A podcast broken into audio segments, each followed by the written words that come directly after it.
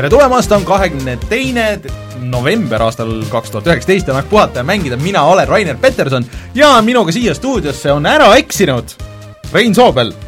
sa ei oska kuupäeva öelda või? ei oska, jah tere kolmsada üheksakümmend saadet ja ma ikka ei oska seda kuradi kuupäeva öelda. ja Martin Mets! tere! Polegi ammu olnud kõik äh, siin muidu, ku-, kuupäevadest rääkides, siis dekaad on läbi saamas. Dekaad on läbi saamas? nagu kümme, kümme päeva saab läbi või? kuu aja pärast on kahe tuhande kümnendad läbi mm.. kas sa oled selle peale mõelnud? kas me peaks hakkama tegema seda, et äh, viimase kümne aasta parimad mängud liste või? ilmselt midagi peaks, aga, aga lihtsalt, et teid masendada, siis te ilmselt mäletate, kuidas te võtsite vastu aasta kaks tuhat? jaa. ei. see oli võib-olla seda momenti see on niisugune trikiga, trikiga küsimus. pidu, aga sellest saab kohe kakskümmend aastat. mõelge selle peale mm. -hmm. Uh, kuulasin, kuulasin just retromängude podcast'i, kus arutati aastat kaks tuhat üheksa ehk siis see on siis äh, ametlikult kümme aastat on möödas, siis see on retro. Oh,, nii et äh, kaks tuhat üheksa tulid välja esimene Batmani see Arkami mäng ja siis tuli äh, Flower oli seal ja Flower. ja siis äh, ilge ports asju tuli tegelikult aastal kaks tuhat üheksa, mhm. näiteks Minecraft, nii et Minecraft on ka veits retro nüüd ta on alati retro olnud juba siis, kui välja tuli ju. no veits jah, põhimõtteliselt küll, jah. aga räägime kohustuslik jutt ära ja jaa, räägime kohustusliku jutu ära, ehk siis et nii palju asju, millest me tahame rääkida. jaa, meid saab kuulata siis äh, mm, SoundCloudist, Spotify'st, Youtube'ist äh,, igalt poolt äh,, siis äh, mm, meid saab toetada Patreonis, patreon.com, kaldkriips puhata ja mangida Äh, ja siis, äh, kui seal toetate meid isegi selle miinimumsummaga, siis äh, saate ligipääsu meie Discordile, kus me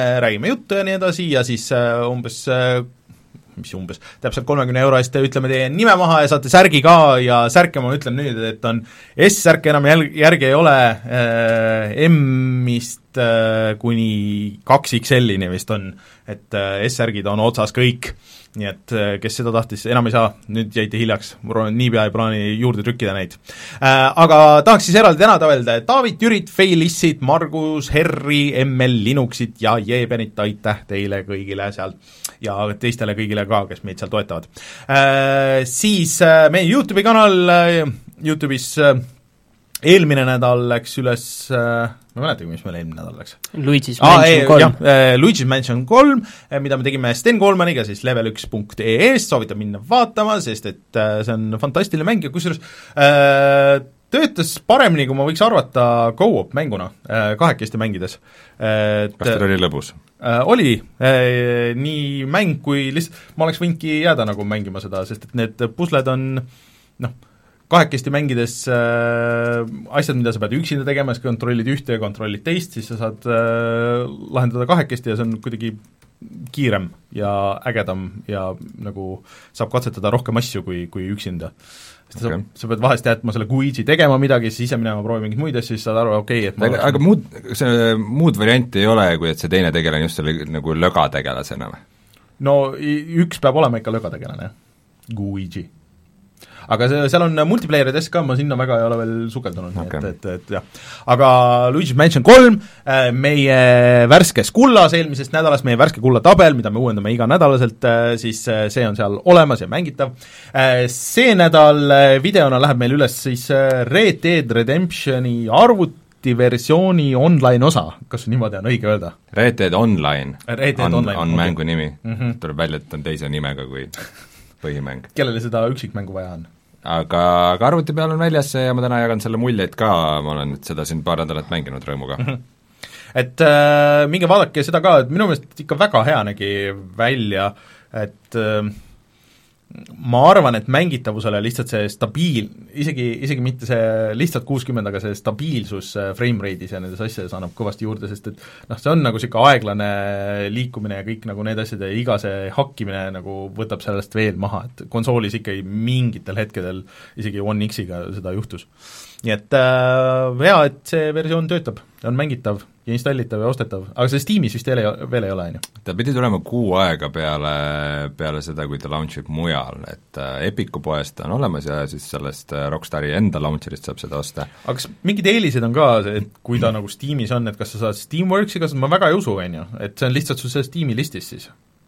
Ega vist väga muud ei ole, no eks muud mingid achievement'id ja niisugune jurr ikka ka ilmselt mm, -hmm. aga, aga noh, põhimõtteliselt kogu see online käib samamoodi nagu GTA viies, ta käib ikkagi läbi selle mm -hmm. Rockstari sotsiaalklubi okei okay., nojah. nii et ma ei tea, ega tegelikult väga vahet ei ole, kas sa ostad selle Rockstar Social Clubist või Steamist, nii et okei okay. äh,. Aga siis äh, mm, mis meil siis teemad on täna? Täna on meil üks suur uudis. nii? üks ilmselt selle aasta suurimaid mängu-uudiseid ja kindlasti suurim VR-uudis, eh, nimelt eh, kuulutati välja uus Half-Life veel ei kuulutatud, see kuulutatakse välja meil saate ajal, kuulutati kuulutati välja, et kuulutati välja, et ta kuulutatakse välja. no ja kuulutati välja ka selle nimi, et ta no, kuulutatakse välja. kuulutas välja, et nad äh, neljapäeval siis äh, ametlikult kuulutavad välja oma uue VR-mängu, milleks on Half-Life Alyx mm.. Alyx siis teatavasti on Half-Life kahe kõrvaltegelane, naistegelane ähm,, nii et äh, uskumatu on teoks saanud. Valve'ilt tuleb uus Half-Life mäng, mitte no, keegi ei arvanud, et seda enam tuleb. no, no küsimus on nüüd see, et kas see on nüüd see, mida kõik ootasid või on see ainult see see mäng, mida sina ootasid? no, no ütleme, kui, kui nagu VR inimesele, et siis see ei tule tegelikult väga üllatusena, ma olen sellest siin varem saates ka rääkinud. me oleme rääkinud et... kolmest suurest Valve'i mängust, mis on arenduses, ja see nüüd peaks olema siis esimene neist, võib-olla ka see on ainus, mis tuleb, aga see on nüüd esimene mm.. jah, aga, aga tänu igasugustele leketele ja asjadele juba ka varem on üht-teist teada olnud, et et see ongi see, et nüüd kell kaheksa, ehk siis täpselt poole meie laivi ajal äh, toimub see ametlik äh, näitamine või väljakuulutamine, võib-olla me näeme animeeritud logoanimatsiooni ainult, ega me ei tea, aga, aga ma võtan ikkagi kokku selle, mis praeguseks äh, siiamaani selle kohta teada on. teeme kiired panused, et mis te arvate, et see nagu päriselt on? ma arvan, et see on niisugune lihtsalt kuskil ma nägin mingi playtesteri mingisugust kommentaari ja siis kõlas umbes nagu kõik need VR-shooterid, nagu see Arizona Sunshine ja mingid niisugused asjad, mida sa oled meile siin näidanud, ma arvan, et see on lihtsalt see, aga Half-Life'i maailmas.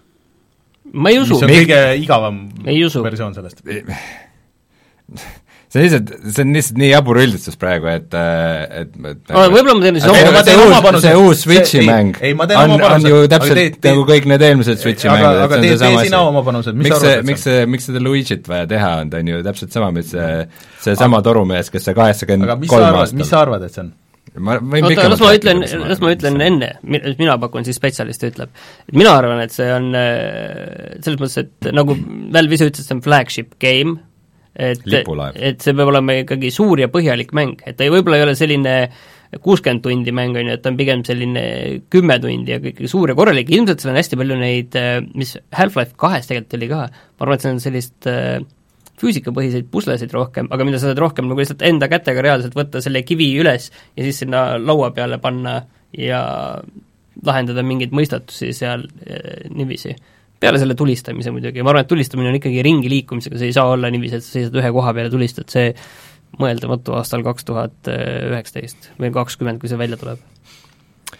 Ehm, jah, ma arvan, et, ehm, ma arvan, et sa liigud õiges suunas, et ehm, ütleme, et ma latti nagu nii madalale ei paneks, et VR tulistamismäng, aga sa saad, saad kivi panna kuhugi ja niimoodi füüsikapuslesid lahendada, aga samamoodi nagu Half-Life kaks kunagi äh, äh, tegi revolutsiooni selles, et kuidas võib mängus nagu selle mängumaailmaga suhestuda läbi siis äh, objektide ja realistliku füüsika ja, ja taktikalise võitluse ja kõige muu sellise, gravitatsiooni e,, siis äh, ilmselt äh, see Half-Life'i VR-mäng on nagu mingit sorti järgmine tase sellele, et äh, aga aga ma arvan, et talle põhiline eesmärk on see, et äh, et luua nagu VR-mäng, millel oleks sisu, millel oleks püsivust, millel oleks kauakestvust, äh, millest inimesed räägiksid ja tahaksid seda mängida, aga selles mõttes äh, te ei ole nagu sellega nii hästi kursis, aga häid VR-mänge on tegelikult juba praegu ka olemas, et see, mm. et see latt ei ole nüüd see, et teeme ükskõik mida aga, ja siis aga kas see ei ole piis. nagu mingisugune näitaja, et meie ikkagi nagu oleme mängudega nagu väga kursis ja kõik nagu see,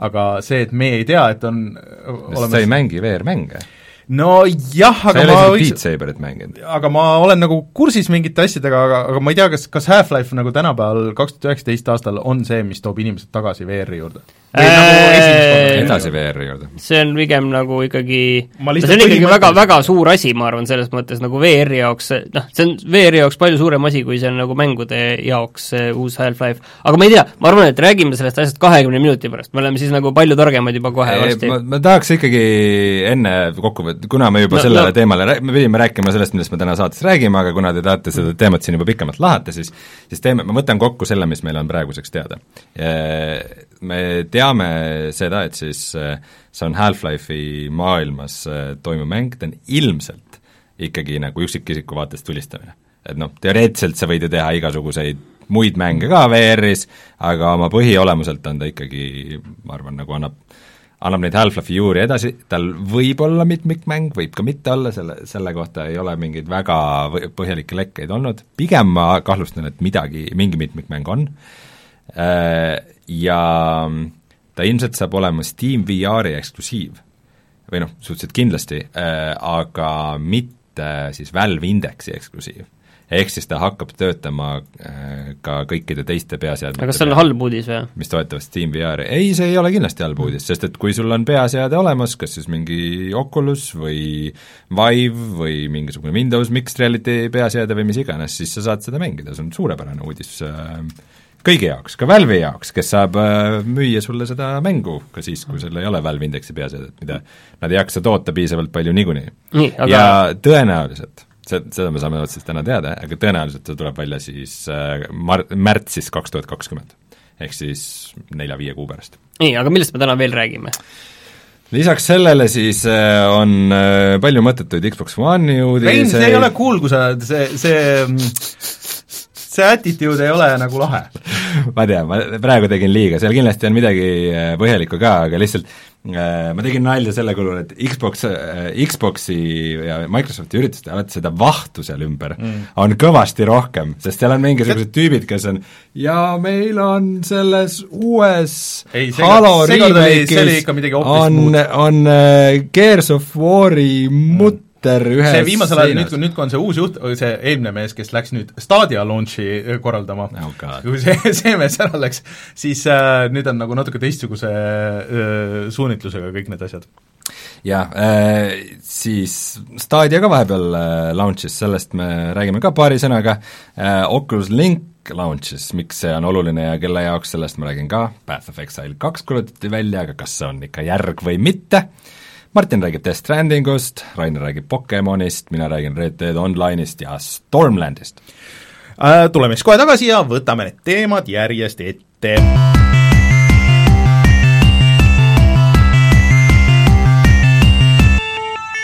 uudised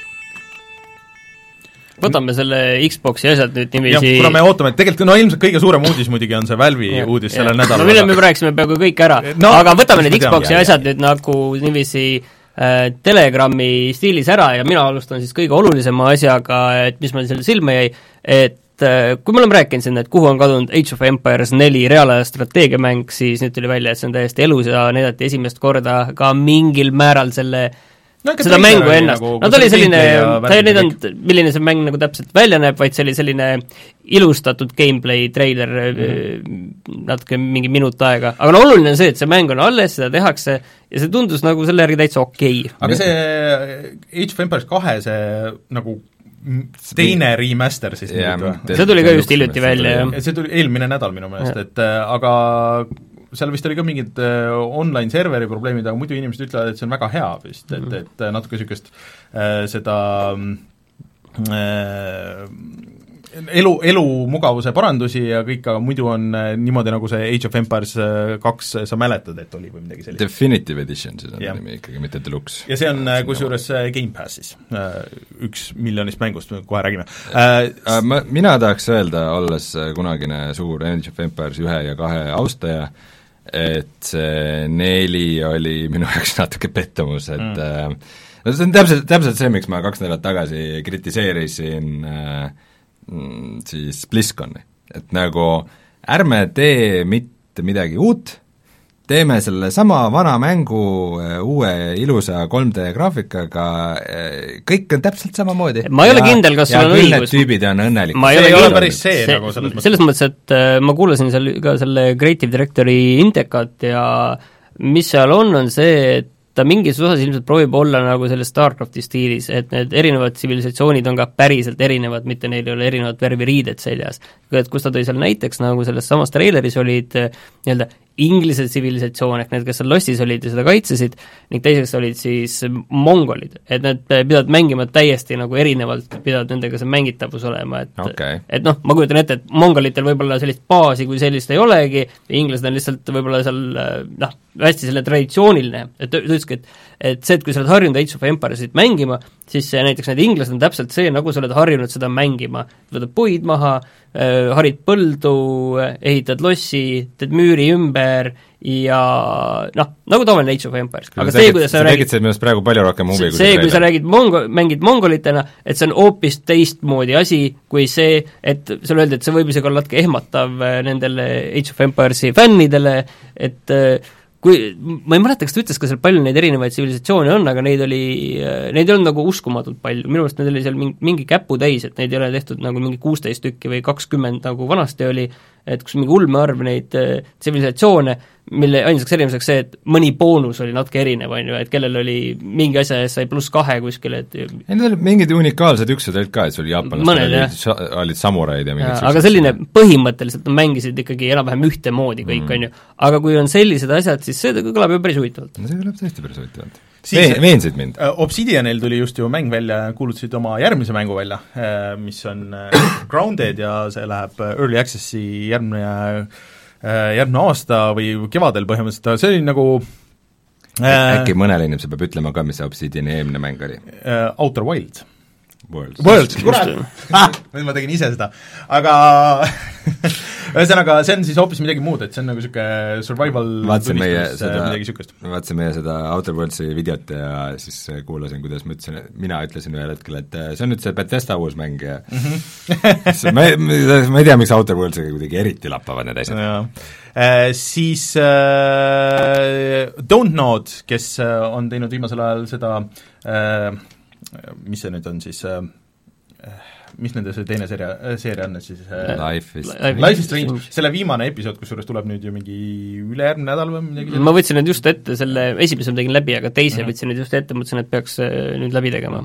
aga nende uus mäng paistab olema väga sarnane, selle nimi on Tell me why ja ka niisugune story-põhine noh, ma ei tea, mis see on, hiirekliki seiklus ei ole nagu õige öelda, aga niisugune noh, interaktiivne lugu ikkagi. jaa, samamoodi episoodiline ja nad äh, juba algusest peale rääk-, mängivad nagu seda natukene selle peale, seal on samamoodi kaks peategelast, kes on sugulased, ja üks nendest on äh, transsooline, mis äh, natukene mulle ei meeldi üldse nagu mängudes see asi, kui me ehitame nüüd selle peale, et oo oh,, vaadake, meil on nüüd siin see mäng ja ja tema on gei, et meil on selline mäng nüüd, on ju. selle kohta on termin ka no., virtuous signaling mm et see, et see mulle nagu, siin oli, mis meil mäng oli, see Gone Home või? et see mm., see, mis jättis tänu sellele kuidagi negatiivse mulje, et me ehitame selle peale, et see nagu ongi ma ei tea, see ei olnud üldse nii oluline seal.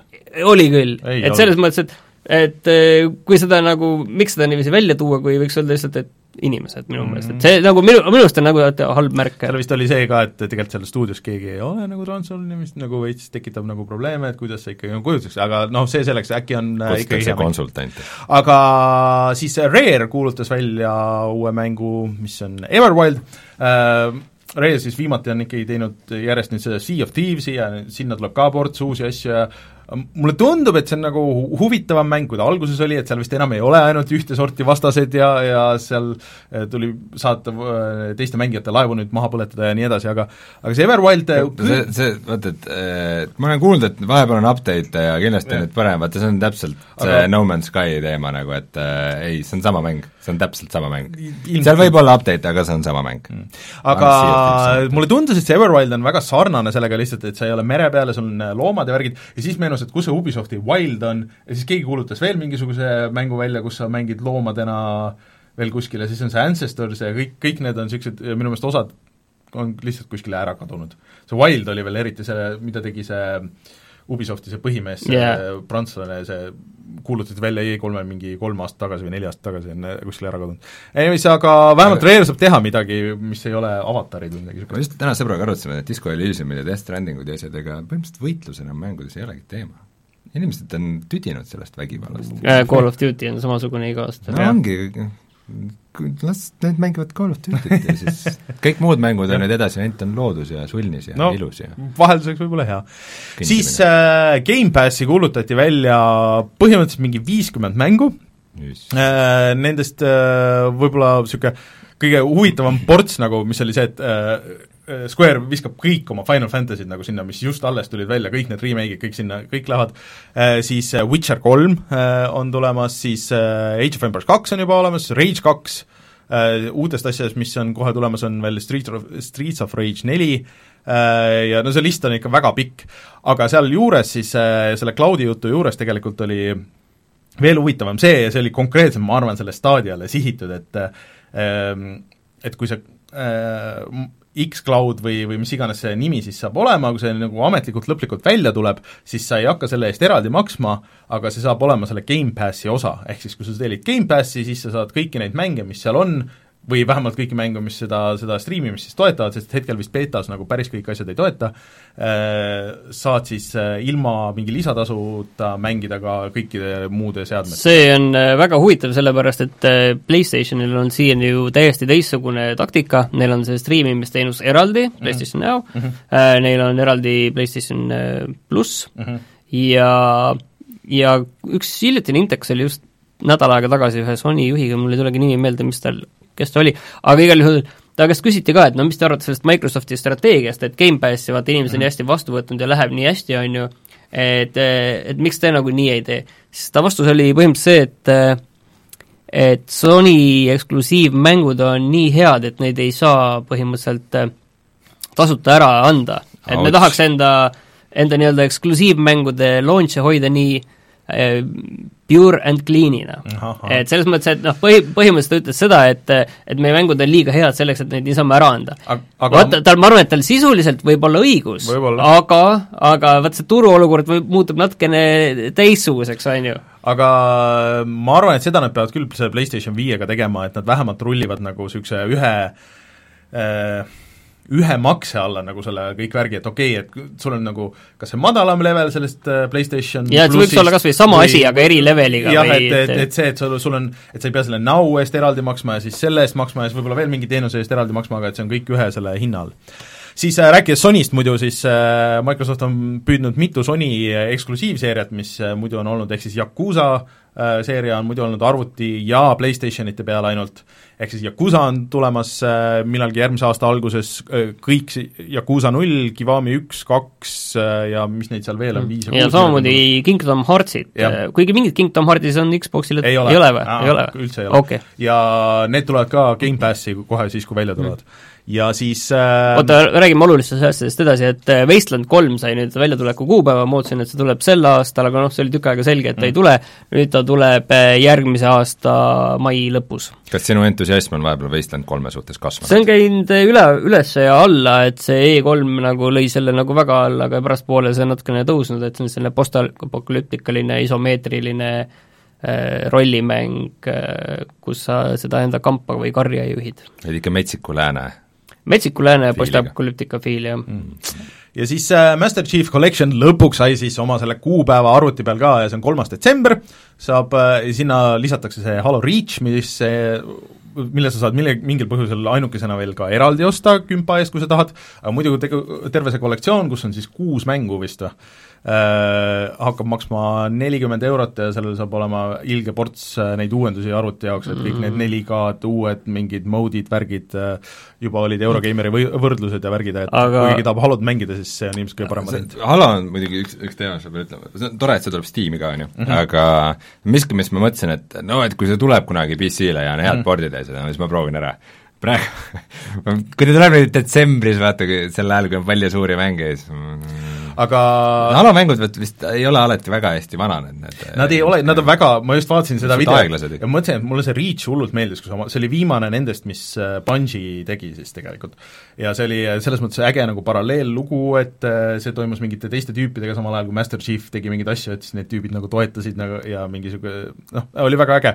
siis ma vaatasin seda, et aa, see näeb, isegi see uus versioon ikka näeb nagu päris niisugune vana välja, et et mingi põhjus võiks olla neid kõiki mängida, et neid kõiki sa saad mängida ju nelja inimesega go-op'is ja see tuleb ka Gamepassi arvuti peale, et sa saad nagu arvuti peal mängida seda sisuliselt tasuta, eks ole, aga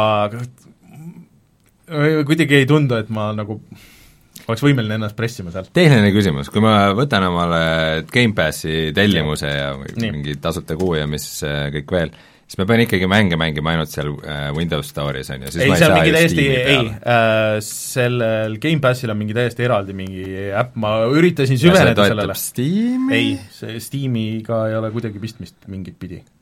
Nii seal, seal on ainult kui ma Gamepassis ostan asju ei, sa ei osta mitte midagi Gamepassis. kui ma, kui ma tellin omale Gamepassi, siis ma saan ainult läbi selle Gamepassi äpi mängida asju. põhimõtteliselt niimoodi ma sain aru jah, et ma tahtsin lihtsalt proovida just sellesama nagu saate jaoks, on ju, ja siis tegelikult on olemas veel ka mingi Xbox'i äpp, mis on default'is on Windowsisse installitud, Windows kümnesse, aga seal ei ole veel seda Gamepassi asja, et see on veel mingi eraldi, mingi beeta värk, mida sa pead äh, tõmbama ja installima, et et see ei ole kahjuks niisama lihtne, aga ma tahaks selle ära teha lihtsalt sellepärast, et ära proovida, et kuidas on, äh, meil mitu äh, chati kasutajat on selle endale teinud ja siis on räägivad, et mängivad seal kogu aeg asju, nii et see on täiesti võimalik Eestis selles mõttes. nii, ma tahtsin okay. küsida, et kas te mäletate, mis mäng on Bleeding Edge mm,? ei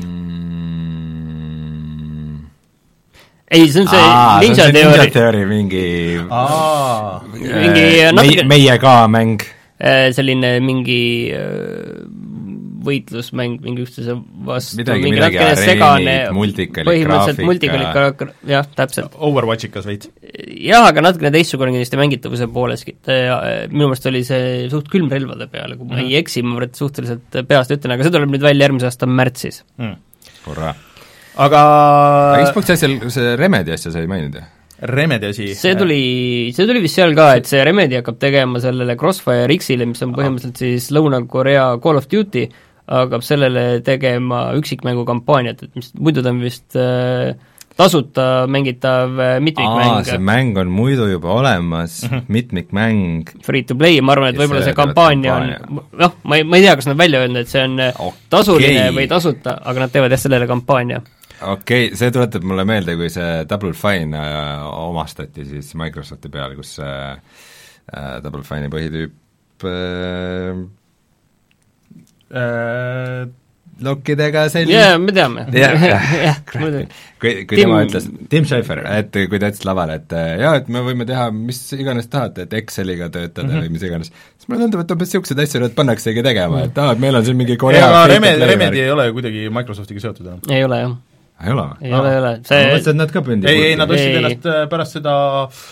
Quantum Breaki ostsid lahti. minu, minu meelest Remedi pole kunagi Microsofti oma olnud, neil on lihtsalt piir olnud, et seda või, või selle küll nii, jah.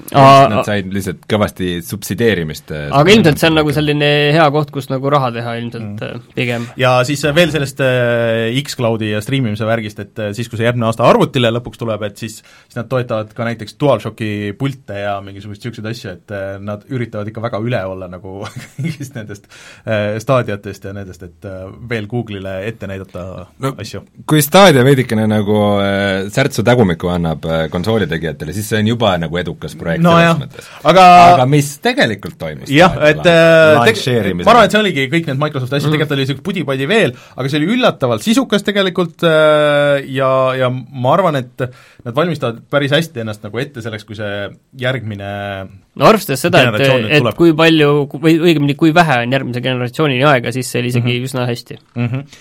muidugi jah, seda ei näidatud, seda Scarletit ei näidatud no. üldse, ehk siis järgmist äh, Xboxi masinat, et äh, seda oleks muidugi võinud olla. nii, aga sellest üks uus suur refreshi nuppu kogu aeg sellel üks uus suur platvorm tuli meil välja siin vahepeal, ehk Google Stadia ja selle no. vastuvõtt on olnud selline mm, noh, pehmelt öelda. rabe ühesõnaga jah, siis et äh, inimesed, kes said kätte, siis paljud said kätte ainult selle puldi, siis see kood saadeti eraldi nagu meiliga, millele sa sellele rakendusele ligi saad, ja siis äh, paljudel see kood ei töötanud ja oota siis..., enne kui sa nüüd seda keerulist juttu nii. räägid, siis ma pigem küsin ja, ja siis ütle, kas okay, ma olen õigesti aru saanud. et põhimõtteliselt sellel Google Stadial nagu endal sellist kasutajaliidest ei olegi, vaid ei kogu ole. kasutajaliides on su telefonis, kus sa põhimõtteliselt paned mängu käima ja siis hakkad ei, mängima käima saad panna sellesse arvutis mm. nagu brauseris ka mm., aga ostmine käib äh, kõik nii, käib nii, nii, lähme kohe ostmisega edasi. et äh, viim-, alguses oli kaksteist mängu, mis pidi välja tulema, siis nad äh, päev enne launch'i tõstsid selle kahekümne kahe peale, seal mm. on üks eksklusiivmäng, aga muidu seal on palju suuri mänge, nagu see viimane Mortal Combat, Red Dead Redemption, Assassin's Creed Odyssey, aga enamik neid mänge sa pead siis täishinnaga ostma. Äh, praegu tasuta ainult on Destiny ja siis äh, Samurai Showdown vist ongi lihtsalt Samurai Destiny ei ole samuti tasuta, vaid selle jaoks pead ikkagi kuutasu maksma, et seda, et, kuigi ta muidu mu-, muudel platvormidel ja. on äh, free-to-play tasuta mäng, siis seal sa pead sa selle eest maksma. aga ja sa saad kõik need lisapakid nii, nagu ja need mängud, mida sa sealt ostad, näiteks Assassin's Creed Odyssey või siis see Mortal Combat, nad on täishinnaga, et arvestades seda, et enamikest täiesti legaalsetest poodidest saad need tänapäeval kakskümmend, kolmkümmend eurot täishinnast odavamalt, siis sa pead minema sinna uude keskkonna, mis on selle tulevikukeskkond, ja seal selle striimimise eest maksma rohkem. arvestades seda, et kui sa mõtled, et okei okay,, ma ei kulutanud siin seda kolme sotti konsooli peale, siis noh, mingi aja see nagu tasub ära no,, aga kui sa seda pulti tahad, siis sa kulutasid ikka aa, tõsi, sott äh, see on pool, pool, rohkem kui pool Xbox One'i hinnast põhimõtteliselt küll, jah. no nagu kui, kui Google Stadia suudaks niisuguse nagu usalduse tekitada enda vastu mida ta praegu ilmselt ei suuda, siis, siis see võiks olla ikkagi atraktiivne pakkumine, et, et okei okay,, ma ostan selle puldi, aga kui tulevad uued Xboxid ja PlayStationid ja asjad, siis no ma ei pea uut staadiat ostma, sest see nagu, et nad võivad seda pidevalt no, nagu jah, parandada, nad, seda oma tehnilist osa, ilma et ma peaksin selle eest aga, aga siis aga me praegu ei aga on ka päris seda. palju nagu mängudes sees probleeme, et näiteks Mortal Combat äh, üheteistkümnega äh, noh, vähe sellest, et sa mängid seda online'i, saad mängida ainult teiste Stadia mängijatega, kes on ostnud selle mängu, äh, siis seal on see krüpt, on ju, kus sa käid ringi, siis see lihtsalt põhimõtteliselt ei tööta või et kui lähed sinna sisse, siis see töötab noh, mingi hullult äh, pidi hakkima kõigil, et sa ei saa seda noh, et nagu oleks äh, vilets arvuti mm., mille peale see ei jookse. nii, aga proovime, proovime nüüd üldistada seda asja. oota, oota ja siis veel niisugune lõbus detail, sest seal on ka nagu see sisemine pood, on ju, kus sa lähed, ja siis, kui sa tahad sealt nagu osta endale mingeid kosmeetilisi asju või midagi niisugust, on ju, selle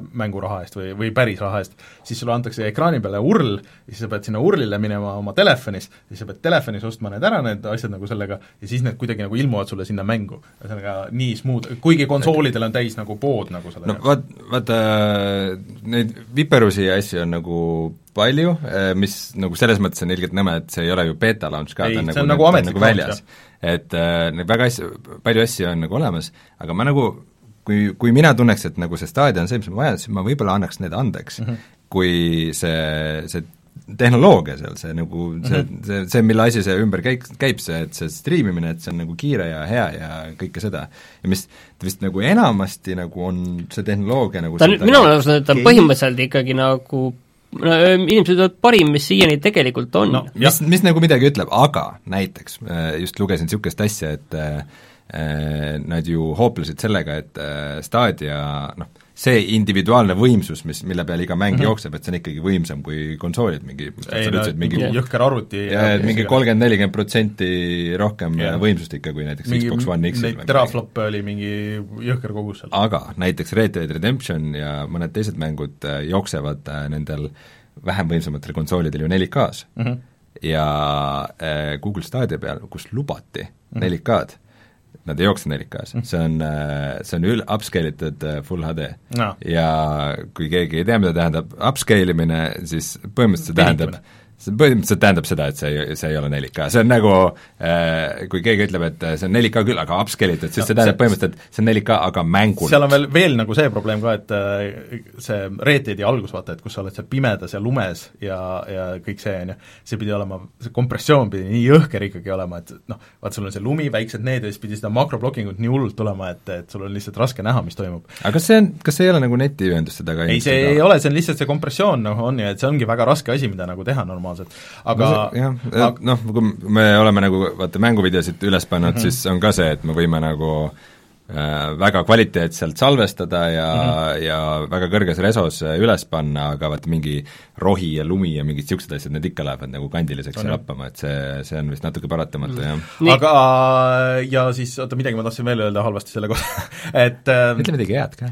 ei no mul ei ole nagu ei, selles mõttes, et äh, et kokkuvõttes ma arvan, et seal võib midagi tulla, aga see on nagu kohutavalt nagu halvasti läbimõeldud ja see ei ole valmis. et see praegu oli nagu, et see ei ole nagu nendele hea, kes on early äh, adopterid, on ju, et need peaks olema need hardcore geimerid, vaata, et äh, nende jaoks peaks olema, see peaks olema vähemalt parem kui see Xboxi kogemus. ja seal ei ole ühtegi uut mängu, mis ja. nagu on ainult seal, see üks see Tequila mäng on, aga teine, teine teooria oli, oo, et see on umbes naistele ja pereemadele, et see on kõige easy m, aga seal ei ole, nende jaoks ei ole ka midagi ja pluss see on, siis on juba mm. nagu liiga keeruline, kui sul peab mitu seadet olema, mis ei ühildu ja nii edasi. ehk siis sa fail'id nagu mõlemal rindel päris nagu suurejooneliselt tegelikult. et äh, ja see ongi, võib hardcore mängul sul ei olegi nagu mingit erilist pointi, et sul ilmselt mingi mänguasi on ikka olemas, et Xbox, Xbox äh, läks remonti mm. kuuks ajaks no,. jaa, aga sa ei saa oma seive ikkagi kasutada. aga ei, ei noh, saame näha, mis sellega saab, on ju, aga võtame selle vahele siia, selle Half-Life'i uudise ära, sest oota, ma räägin, ma räägin ja te ah, kuulake. et vahepeal on siis äh, selgunud, et äh, Half-Life Alex tuleb välja järgmise aasta märtsis ja Rein, palju õnne, sul on see olemas et see on kõigile Index VR-i omanikele on see tasuta, see tuleb mm. välja kõigile äh, PC äh, headset idele ja see on, nagu Valve ise ütleb, et tegemist on klassikalise Half-Life'i mänguga, mis toimub Aha. siis esimese ja teise osa vahel, kus on olemas nii tulistamine kui avastamine kui, kui ka kui ka siis pusled. aga see nüüd on siis äh, kindla peale ainult VR, et seda ja, mina ja, ilma ja see maksab täishinna kuuskümmend eurot, et tasuta on see ainult okay, Index VR-i äh, äh, omanikele. no mina hakkan treilerit vaatama no vaata treilerit, treiler on ainult äh, poolteist minutit, aga ma siis, kuna praegu vaada, vaadake kõik kirjeldada. paralleelselt, ma siis kirjeldan, et äh, me oleme pimedas, väga atmosfäärilises kohas ja headcrab hüppas meile kaela. see on esimese isiku vaates tulistamine. vaates me näeme oma käsi. põhimõtteliselt käed hõljuvad õhus, näeb väga ilus välja. miks inimesed panevad Twitterisse videosid, see on, näeb kõige kohutavam välja, see on jah, mingi väga jõhker. ahah, sa lahendad oma kätega mingisuguseid puslesid? no mis ma ütlesin, sest sa saad käed hõljuvad käed hõljuvad, sul käed ei ole keha küljes ja keegi viskas relva, seda, see on midagi, mida me Half-Life'is ei olegi varem oh, näinud. oh,. nägid, vaata, ta tõmbas kuskilt eemalt selle käega, käega saad tõmmata, no see oli ilmselt mingi tehnoloogiline magnet mhm, seal. mm, -hmm. samad vanad head kollid, headcrab, zombid, combine visuaalne stiil on väga kõik tavaline. on väga interakteeruv ja visuaalne stiil on väga Half-Life. Aga, aga uue aja Half-Life, ta näeb ikkagi VR-mängu kohta väga hea välja no kas see lõpp-pilt huvitav päris selline välja näeb, see on teine asi, on ju, aga see sõltub su arvutist ilmselt väga palju. no palju kolle, vägevaid kohti. ahah, nägin puslet T. E, tõmbasid oma magnetiga vaenlase küljest ära pommi ja viskasid samad vanad tuntud vastased, nii need e, cool. headcrabid kui mingid sellised suuremad ämblikulaadsed kui ka kombainid. mis need olid, mingid need Sandlionid või? ja mm. G-Man on ka täiesti mm. olemas. ja märts kaks tuhat kakskümmend. jep nii, ja on, olemegi targemad mm. -hmm. Rein, kas see oli see, mis sa ootasid uh,? kas see tegi selle VR-i kõik, on nüüd väärt seda? minu pakkumised? ma arvan, et sinu pakkumisi ei võtnud keegi tõsiselt kunagi niikuinii aga minu pakkumine oli täpselt see, mis see oli. ma, ma arvan, et ainus asi, mis mind üllatas, esiteks on see, kui ilus see välja nägi. no see on treiler. No, okay, sa, ei usu ühtegi treilerit, mida sa näed. see on treiler, aga see oli ikkagi gameplay treiler, et et ähm, noh, võib-olla on nagu 2D ekraani jaoks pandud mingeid atmosfäärilisi filtreid ja asju juurde, aga aga ta nägi nagu väga ilus välja isegi nagu tavalise ekraanimängu jaoks, et ikka jõhkralt ilus ja teine asi, mis võib-olla mind üllatas, on see, et ta on nagu nii Half-Life, et no ma just siin kritiseerisin äh, teisi mängutegijaid, kes on see, et võtame selle vana asja ja paneme nagu uude tehnoloogiasse, et nagu no natukene ma sain praegu seda vibe'i, et ma loodaks, et siin on veidi rohkem interaktiivsust, aga noh, juba muidugi see, et kui asi on nagu VR-is, siis ta ei lähe niisama automaatselt lahedaks, aga, aga loodetavasti see ikkagi nagu mänguna on ka sama suur edasiarendus, nagu kunagi Half-Life kaks oli võrreldes teiste samal ajal toimuvate mängudega, et et äh, noh, kui kunagi oli see, et nagu, et asjadel on füüsika, siis see on juba äge, aga aga praegu just see, et no. kuidas sa saad oma kätega sellega interakteeruda, kuidas need interaktsioonimeetodid on, see äh,, kusjuures vot mingid standardid on hakanud välja kujunema, näiteks et äh, see, et sa saad nagu mingisuguse force'i või telekineesiga relvi ja asju nagu tõmmata, noh, see, on juba põhimõtteliselt VR-is nii standardiks saanud mm, -hmm. et sa ei saa nagu teisiti mängu teha, see põhimõtteliselt, sest et kõige nõmedam asi VR-is on see, kui sul midagi kukub maha, sa pead istuma maha ja kükitama ja kobama ja aga see ongi päriselt niiviisi ju, see ei ole no jaa, aga sa tahad videomängu sa tahad ikkagi virtuaalreaalsust. sa tahad videomängus ikkagi olla natukene no võib, võib-olla on võimalus lülitada see välja ja sa teed kõik nagu ikka päriselt ja kükitadki seal. ei no mulle jäi mulje, et ikkagi need, et sul on mingisugused magnetkindlad on nagu oli. suur osa mängust. aga kõige nõmedam selle juures on see, et siis järgmist Half-Life'i asja näeb siis mingi kümne aasta pärast jälle, jah? peale seda või? jah. ja see no, on siis, see on siis sellele uuele äh, Valve'i seadmele, mis tuleb kümne aasta pärast, ilmselt mingid äh, holograafilised äh, prillid, mis, mille ette sul midagi tekib pilt ja neid prille sa näed ainult sina, otse, otse silma, jah.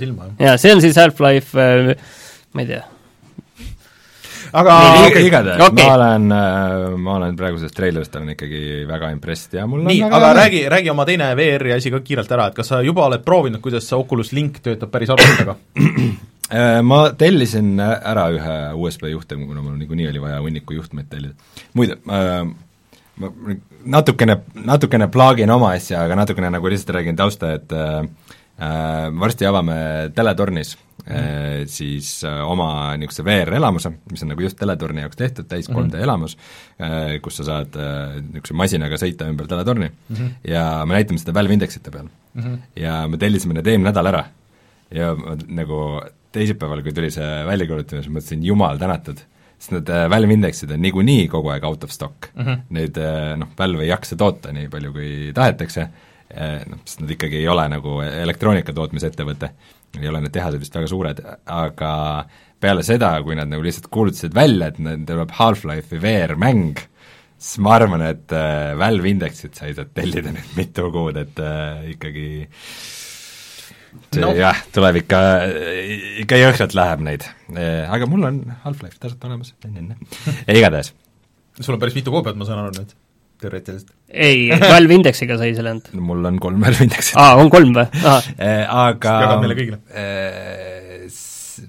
ma tahtsin seda öelda nüüd kommentaariks, et tegelikult mitmikmängu kohta ei öeldud praegu midagi. ma ei, seda mitmikmängu nüüd väga nagu ei, ei, ei, ei hoiaks hinge kinni. ma arvan ka, et see tuleb pigem midagi eraldi, et no tege-, vaata Counter-Strike tegelikult ju alguses oligi Half-Life'i mitmikmäng, et mm, et olnud ka official alguses. jah, et ilmselt see kuidagi tuleb nagu ümber nurga või kuidagi muud kaudu või midagi sellist, et et ma, või mul on ka praegu, pigem sisetunne, et sellele asjale mm. kohe mitmikmängu külge ei poogita Äh, aga me rääkisime Oculus Linkist, et, äh, et jah, ma tellisin mingisugused kaablid ära, äh, ma nüüd seletan ära siis, mis on Oculus Link. sellel suvel tuli siis välja eraldi VR peaseade nimega Oculus Quest, mis Aha. mis on siis täiesti nagu eraldi seade, sa ostad selle mingi neljasaja, viiesaja euro eest ja sul ei ole sinna vaja ei arvutit ega telefoni, vaid ta lihtsalt töötab niisama ja ja noh, mingid Beat Saberid ja Superhotid ja isegi ka see Star Warsi mänge ja igasuguseid muid asju, et need töötavad seal isegi nagu päris hästi.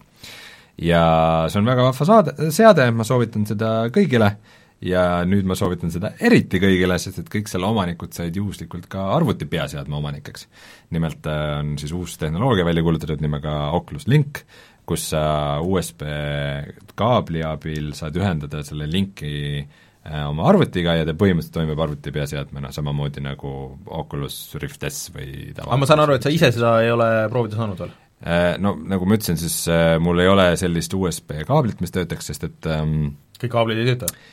Kõik, kõik kaablid ei tööta. ta, ta ei ole ametlikult veel väljas, ta on ametlikult beetas ikkagi mm.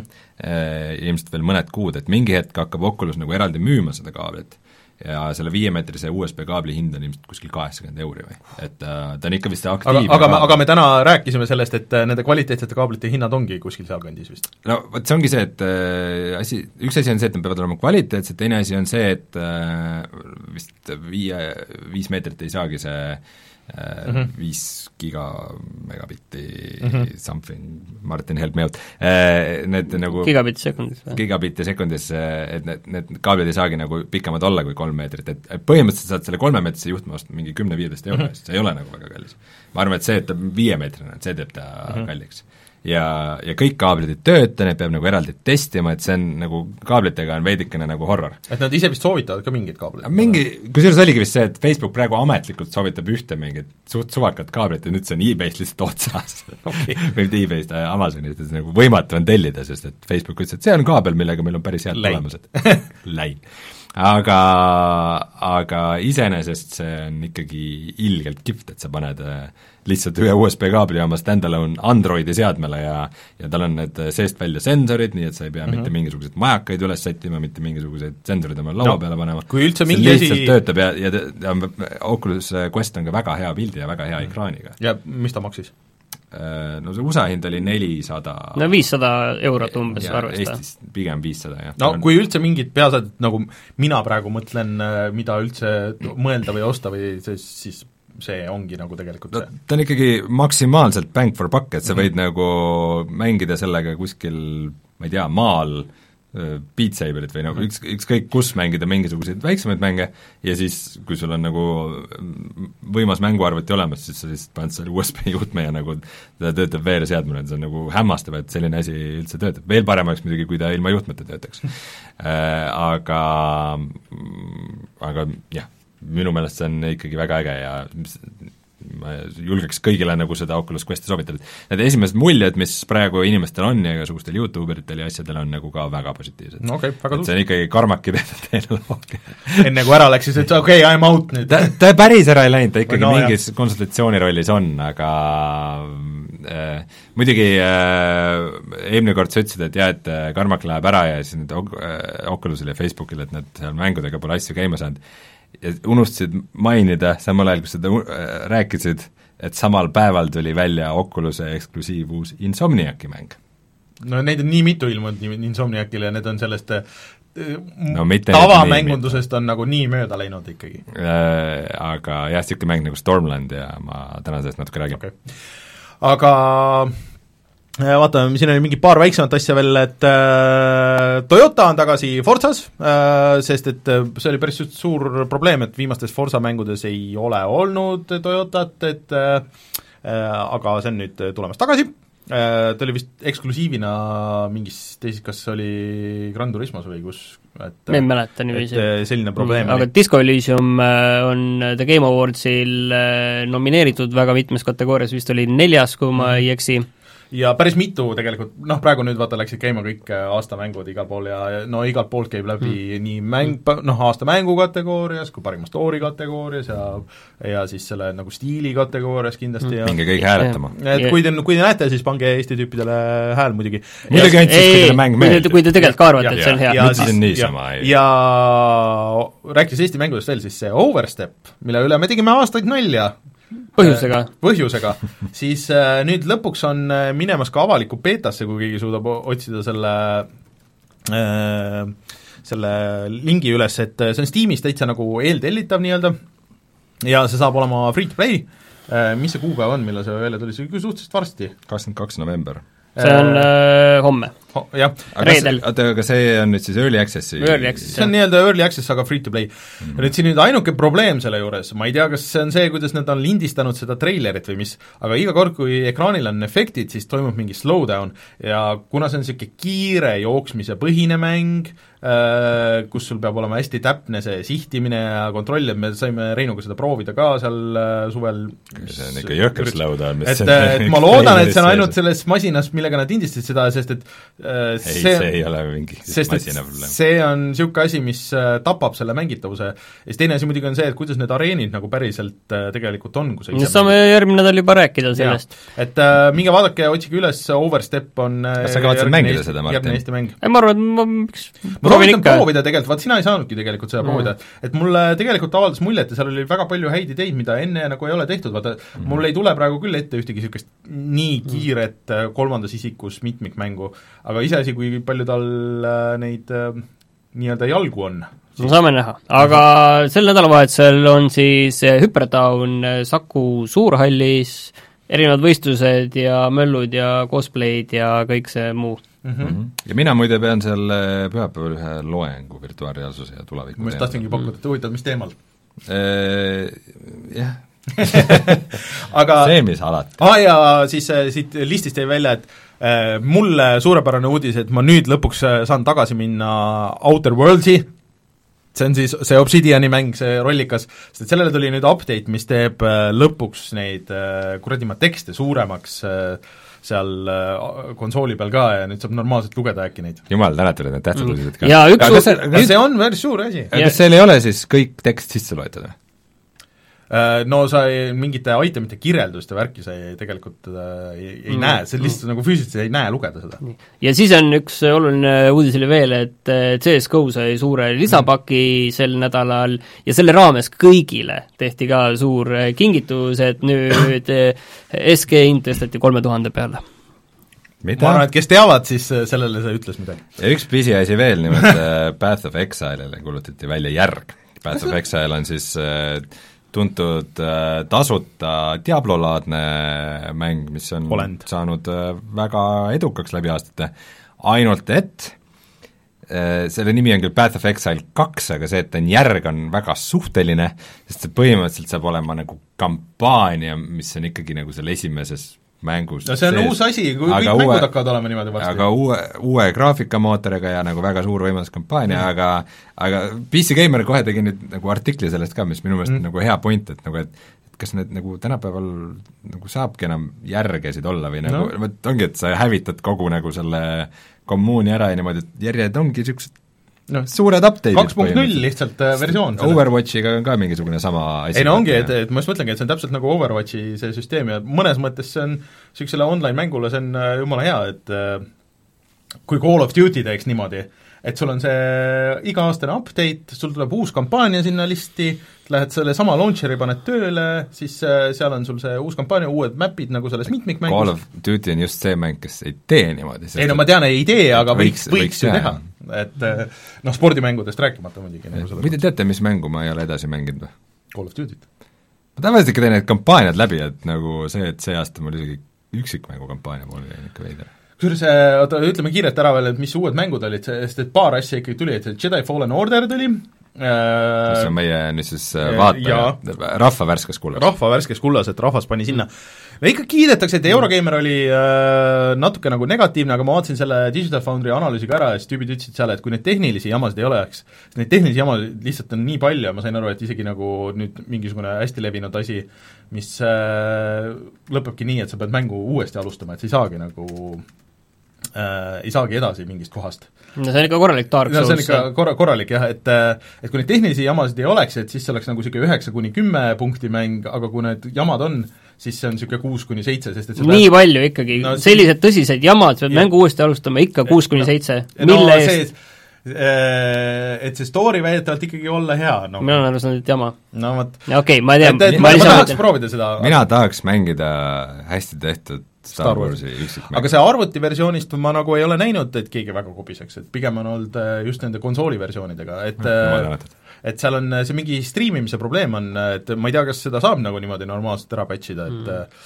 et jääb näha, ma Rainer, mängi, Rainer, mängi võta ja ütle, ja ütle, kui see on hea, siis ütle ja siis ma patchi, võtan esimese patchi tahaks ära oodata mm. mingi suurema, sest et nii, aga sel nädalal tuli välja ka Shenmue kolm, äh, mis äh, päris madala lennuga tuli, selles mõttes, aga mina olen esimeste arvustuste järgi aru saanud, et see suur avatud maailma Jaapani GTA on tegelikult päris okei okay või isegi hea. keegi ütles väga hästi selle kohta, et see on, see on niisugune mulje, et nagu kuskil oleks mingi niisugune kadunud mäng, et mingid jutud käisid, et kakskümmend aastat tagasi, et tehti niisugune mäng ja siis see kadus ära, ja siis see nüüd leiti lõpuks üles ja pandi nagu jooksma ja siis, et see ongi, et mingid asjad on nagu nii arhailised ja nii valesti, aga samas äh, nii äh, huvitavad ja naljakad ja see kõik nagu töötab kokku, et aga ma arvan, mul ei ole kannatust niisuguse asja mängimiseks, et mulle tundub, et ta on nagu mm. need esimesed Shenmue'd niisugune aeglane ja niisugune mm. ja sel nädalal tuli välja siis ka Narcosi ehk Netflixi Äh,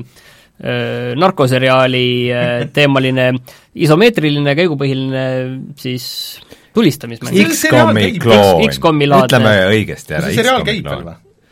kas ära ei lõpetatud või? minu meelest oli just, just mingi müstiline asi, et mm. ma nagu vaatasin, äh, ma vaatasin kahte hooaega, mis mm -hmm. lõppes siis põhimõtteliselt Pablo Escobari spoilerid! kättesaamisega, see juhtus ka päris maailmas, ma ei tea, you know. see, see on juba spoilerid ei saa olla, see põhineb see oligi see, et nagu vaatasin, vaatasin ära, et nojah, et noh, väga täitsa okei okay, sari oli ja tore. Ja see oli, aga nüüd tuleb ka kolmas hooaeg. Mm.. minu arust on mingi neli aga, aga ei, see, aga ühesõnaga selle mängu koha pealt on see, et selle mängu vist suurim pluss on see, et see ei olegi totaalselt äh, kehv, vaid pidavad täitsa mäng olema. ja aga me siin saate alguses irvitasime veidikene, et see Terminaatori mäng tuli ka ja et see on ka halb, et ikka tore, et tehakse veel neid ja, halbu kusures... filmi, filmimänge, aga ma, ma nagu noh, nii palju võib-olla täpsustaks, et et mulle tundub, et, et võib-olla ei ole see tehniline tase enam nagu nii halb nendel see... filmide järgi tehtud mängudel, aga pigem on see, et mm, nad on nagu niisugused geneerilised. see, see nagu, Terminaator pidi ka halb olema. et, et see on nagu veel hullem, et mm. oleks veel nagu, et halb-halb, aga et, et sul on niisugune nagu enam-vähem pädev mäng, sest nagu kes tahab mängida enam-vähem pädevat mängu? ei, see vist, see vist isegi ei ole enam-vähem pädev, see Genesis, et, et see on ikka niisugune halb-halb, sest et see on sellelt samalt stuudiolt, kes selle suurepärase Rambo mängu tegi, mis no mis saab valesti minna? mängisime. see oli ju päris hea tegelikult. see oli aasta mäng meil kõigil. no siis äh, Rein äh, võttis enda peale siis selle Termo-, Terminator Genesis'i mängimise. Jupp okei okay,, aga tuleme siis tagasi ja räägime nendest mängudest, mis me päriselt mänginud ka oleme.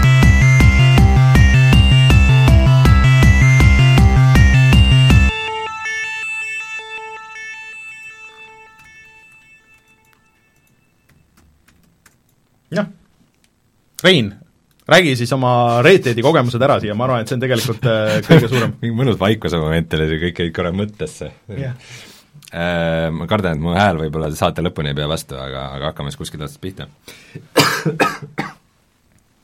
Jaa, ma olen mänginud äh, Red Dead äh, Redemptionit arvuti peal, Red Dead Redemption kaks, siis üks suurimaid mänge see on mingi vana üldse, mäng, see on mingi vana üldse, mäng, see tuli eelmine aasta välja.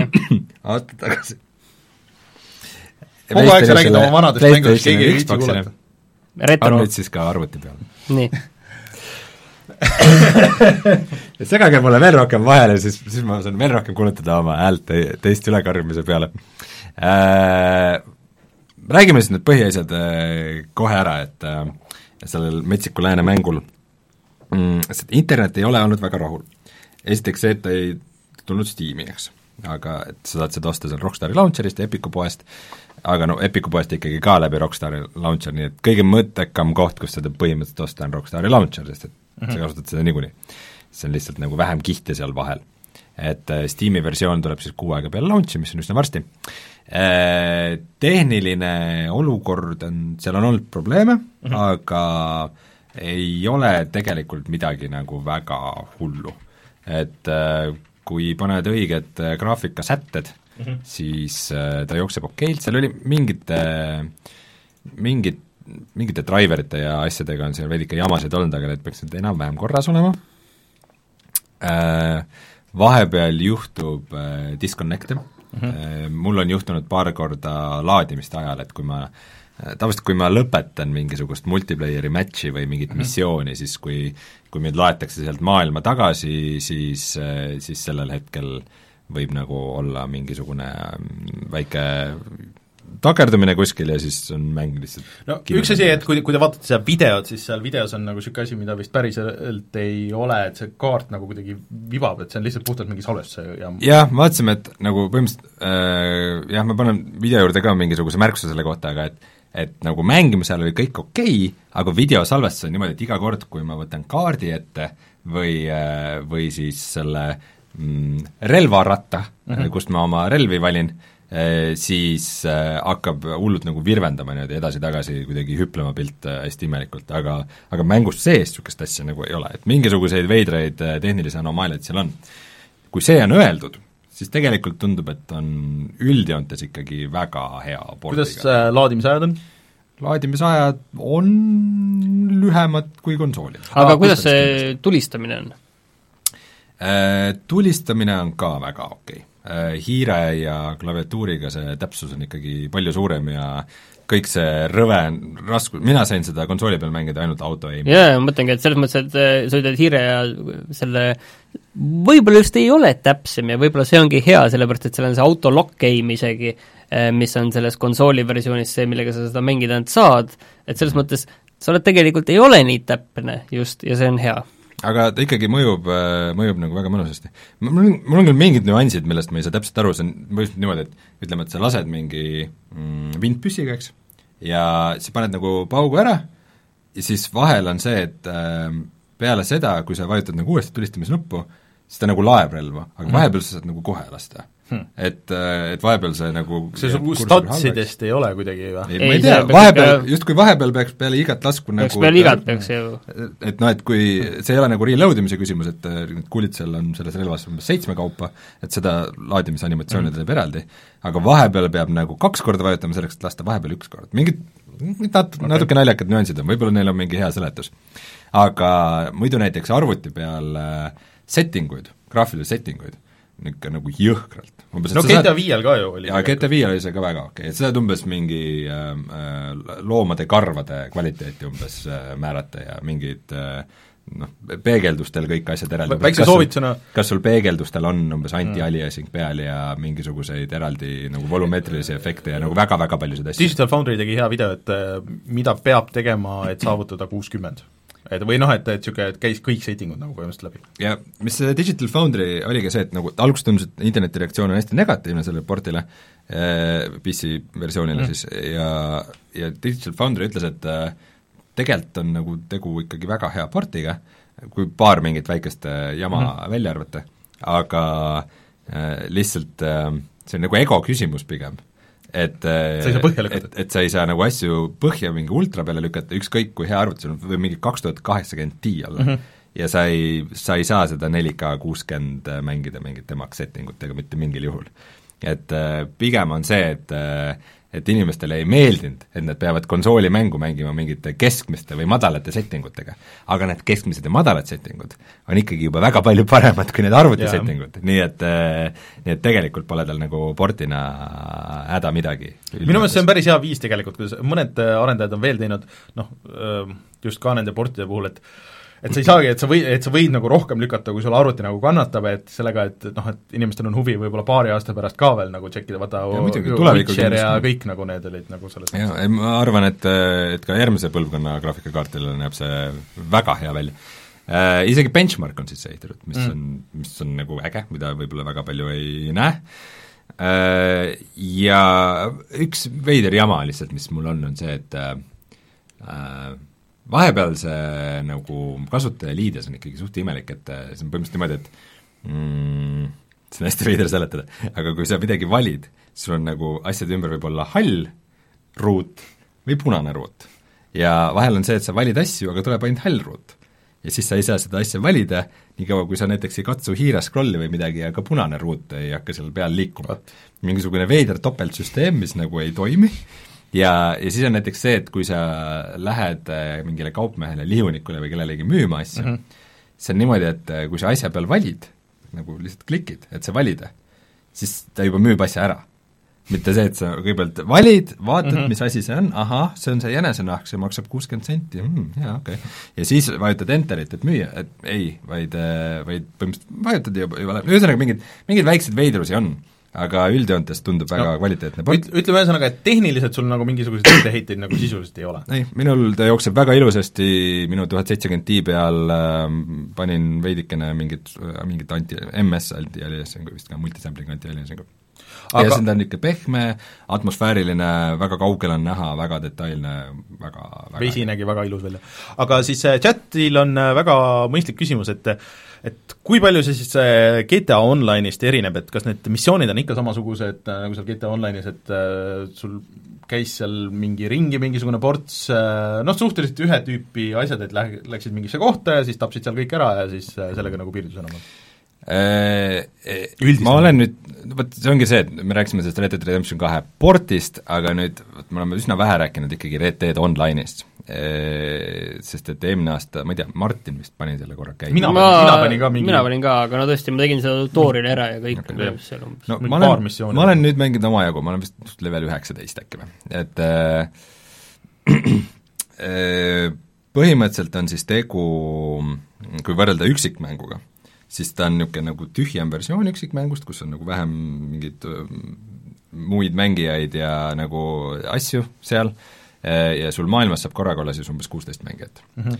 ja saad siis ka sõpradega teha grupi ja koos lollitada ja nii edasi, ja ka noh, väga sageli teiste mängijate kohtumine läheb äh, lihtsalt mingiteks tapatalgudeks et sa saad mingit defensive mode'i peale panna, aga põhimõtteliselt kus, kus veidikene mängijaid koondub kokku, siis ühel hetkel keegi kohe kedagi tulistab ja kohe järsku kogu linn on sõda ja nagu mitte midagi pole sinna pärata äh,. Aga kuidas need vastased ise nagu, nagu kui keeruline neid tappa on ka ühe lasuga pähe ja kõik lähevad inimesi? jah, no selles mõttes vastaseid, inim-... inimvastaseid. Äh, üks lask pähe mm, toimib, seal on mingeid veidraid süsteeme, et sa saad umbes äh, süüdistuse esitada, kui keegi sind tapab, kui see läheb nagu mõrvana kirja, et siis siis sa saad mitte õnnetusjuhtumina või äh, ise komistasid, komistasid lauda taga, taga kuuli pähe? Mäng ütleb, et sa sooritasid mõrva, sa saad esitada süüdistused ja siis pannakse talle bounty peale ja vist tuleb politsei teda otsima, mingi niisugune veider süsteem mm. ka, aga noh, põhimõtteliselt Sheriff, ikkagi väga hästi ei toimi.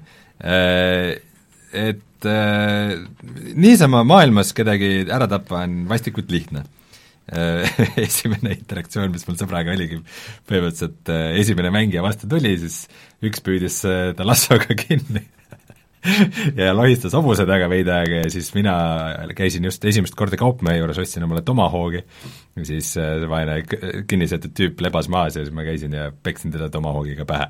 et äh, see kolmkümmend kaks inimest muide võib-olla. see ei, ei lõppenud äh, väga hästi tema jaoks, meil oli päris lõbus. aga kui nüüd see osa kõik kõrvale jätta, siis ma olen tegelikult väga palju nautinud seda Red Dead Online'i, et äh, teinud seal hästi palju, noh, teinud just nagu mingisuguseid niisama igapäevaseid missioone, mille eest sa saad kulda, ehm, mis on siis see, see, see vahend, mida sa saad ka osta päris raha eest, ehm, aga just see on kuidagi, toimib selles maailmas nii hästi, et sul on iga päev mingid missioonid umbes, et tapa kolm mingit preeriakana või mingi mine baari ja söö seal pähkleid. sa avastad läbi selle mingeid asju, mis sa saad teha, et mingi patsuta hobust või ja, ja nagu need on niisama ka lõbusad missioonid, aga, aga aga ka see, et nad sunnivad sind maailmas nagu otsima üles mingisuguse uut tüüpi ma ei tea, mingi kalaliigi, keda sa võid püüda või mingi, või kuidagi lähenema loominguliselt, et üks päev oli näiteks, et pidin tap-, äh, ma pidin äh, nülgima kolm lammast. ja ma otsisin ja otsisin neid lambaid ja lõpuks leidsin ainult ühest linnast ja siis ma öösel nagu läksin ja hiilisin kellegi lambaaedikusse ja tõmbasin siis äh, noakõrri ühele lambale ja nülgisin ta ära, aga loomulikult keegi nägi pealt, keegi nagu NPC, nagu tavainimene seal, ja jooksis karjudes kohe äh, siis äh, seda šeriffi otsima ja siis oli mul järsku kamp äh,, kamp mingisuguseid äh, pearahakütte oli sabas ja ma põgenesin sealt linnast ja kogu sellelt alalt ja see oli kõik väga dramaatiline ja siis mul oli ainult üks lambanahk ja ma läksin sinna tagasi ja võtsin need teised ka maha ja jälle mul oli mingi politsei sabas ja see oli niisugune väga jabur niisugune probleemilahendus ja asi, millega ma pidin tegelema ja lõpuks siis oli, et äh, minu, minu peale oli pandud pearaha ainult kümme senti sest et lamba elu, nagu tuleb välja, ei ole selles mängus liiga palju väärt. aga aga, aga nende missioonidest rääkides yeah., äh, seal on päriselt, on story ja mingid story missioonid, täpselt samasugune nagu, nagu GTA viie heistidest, niisugused mm -hmm. need tüütud pikad jauramise cutscene'id, okei okay,, osad on naljakad, osad mitte. Äh,, aga aga see story osa võiks küll koomale tõmmata, et kus, vaata, jälle täpselt nagu GTA viies see, et kus tegelased vahivad niimoodi tummalt niimoodi ja noogutavad kaasa ja siis mingisugused äh, need mingi šerif või kes iganes sulle seal missiooni annab, need seal vehivad ja teevad, mingid näitlejad teevad seal improteatrit ja elavad välja ennast, on ju, ja siis sinu tegelane vahib seal lollina, aga nagu noh, nagu täpselt seesama feel. aga, aga need missioonid ja need äh, nagu missioonide kulg on nagu olnud siiski päris lahe, et seal seal on saanud mingeid lõbusaid asju teha ja peab mingi hetk mingeid valikuid tegema, et keda sa aitad või või kas sa päästad kellegi ära või, või, või hoopis tüssad teda ja proovid raha ära võtta ja niisuguseid, niisuguseid nagu moraalselt lihtsalt halle niisuguseid põnevaid äh, asju toimub aga missioonid on üldjoontes kvaliteetsed. aga niisuguseid haiste nagu ei ole, on ju, nagu GTA-l? et põhimõtteliselt need natukene nagu ongi nagu sarnase ülesehitusega, aga, aga noh, seda nagu heisti-heisti, et mm -hmm. et meil on nüüd suur rööv ja meil on selleks vaja seda ja seda ja nüüd me paneme neid asju kokku, et nagu mingeid niisuguseid eraldi asju ei ole mm. -hmm ja siis äh, lisaks siis igasugustele, lisaks on ka nagu väiksemaid missioone, et umbes mingi kaitse seda mm. vagunit ja mine tapa sealt aga, aga seda, ja nii edasi ka. kui sa mängid sõbraga koos, kas siis äh, mingit niisugust varianti ei ole, et mingi teine mängija tuleb, rikub teil lihtsalt ära kogu selle missiooni või äh,? Põhimõtteliselt on ja vist isegi on see, et kui sa mingi missiooniga oled nagu lõppu jõudnud umbes suht, siis võivad teised mängijad rünnata ja mingi põhimõtteliselt raha ära varastada, see teeb selle põnevamaks, aga seda lihtsalt seda ei juhtu nagu eriti kunagi, sest et teised mängijad ei saa nagu niisama mingit infot, et oo, et siin toimub midagi lähedal või minu Aa. teada, ma ei ole, või mul pole kunagi tulnud teadet, et oo, et nüüd sul läheduses mingi tüüp just mm -hmm. käib seal kullakotiga, et mine nüüd võta see maha mm -hmm. või ma ei ole päris kindel, kuidas see toimib, aga seda noh, võib-olla see nagu paberil oli see idee parem, kui ta mm -hmm. nagu mängus välja kukkus okay.. ja lisaks sellele on siis igasuguseid võiduajamisi ja üksteise tulistamise asju ja äh, mis üldjoontes on ikkagi päris nõmedad mm, -hmm. mis mhm. on nagu isegi, ma ütleks, et hämmastavad. aga kas, kui see deathmatch'i ja need niisugused võistlused, kas siis pannakse see terve avatud maailm kinni või sul on ikkagi terve avatud maailm?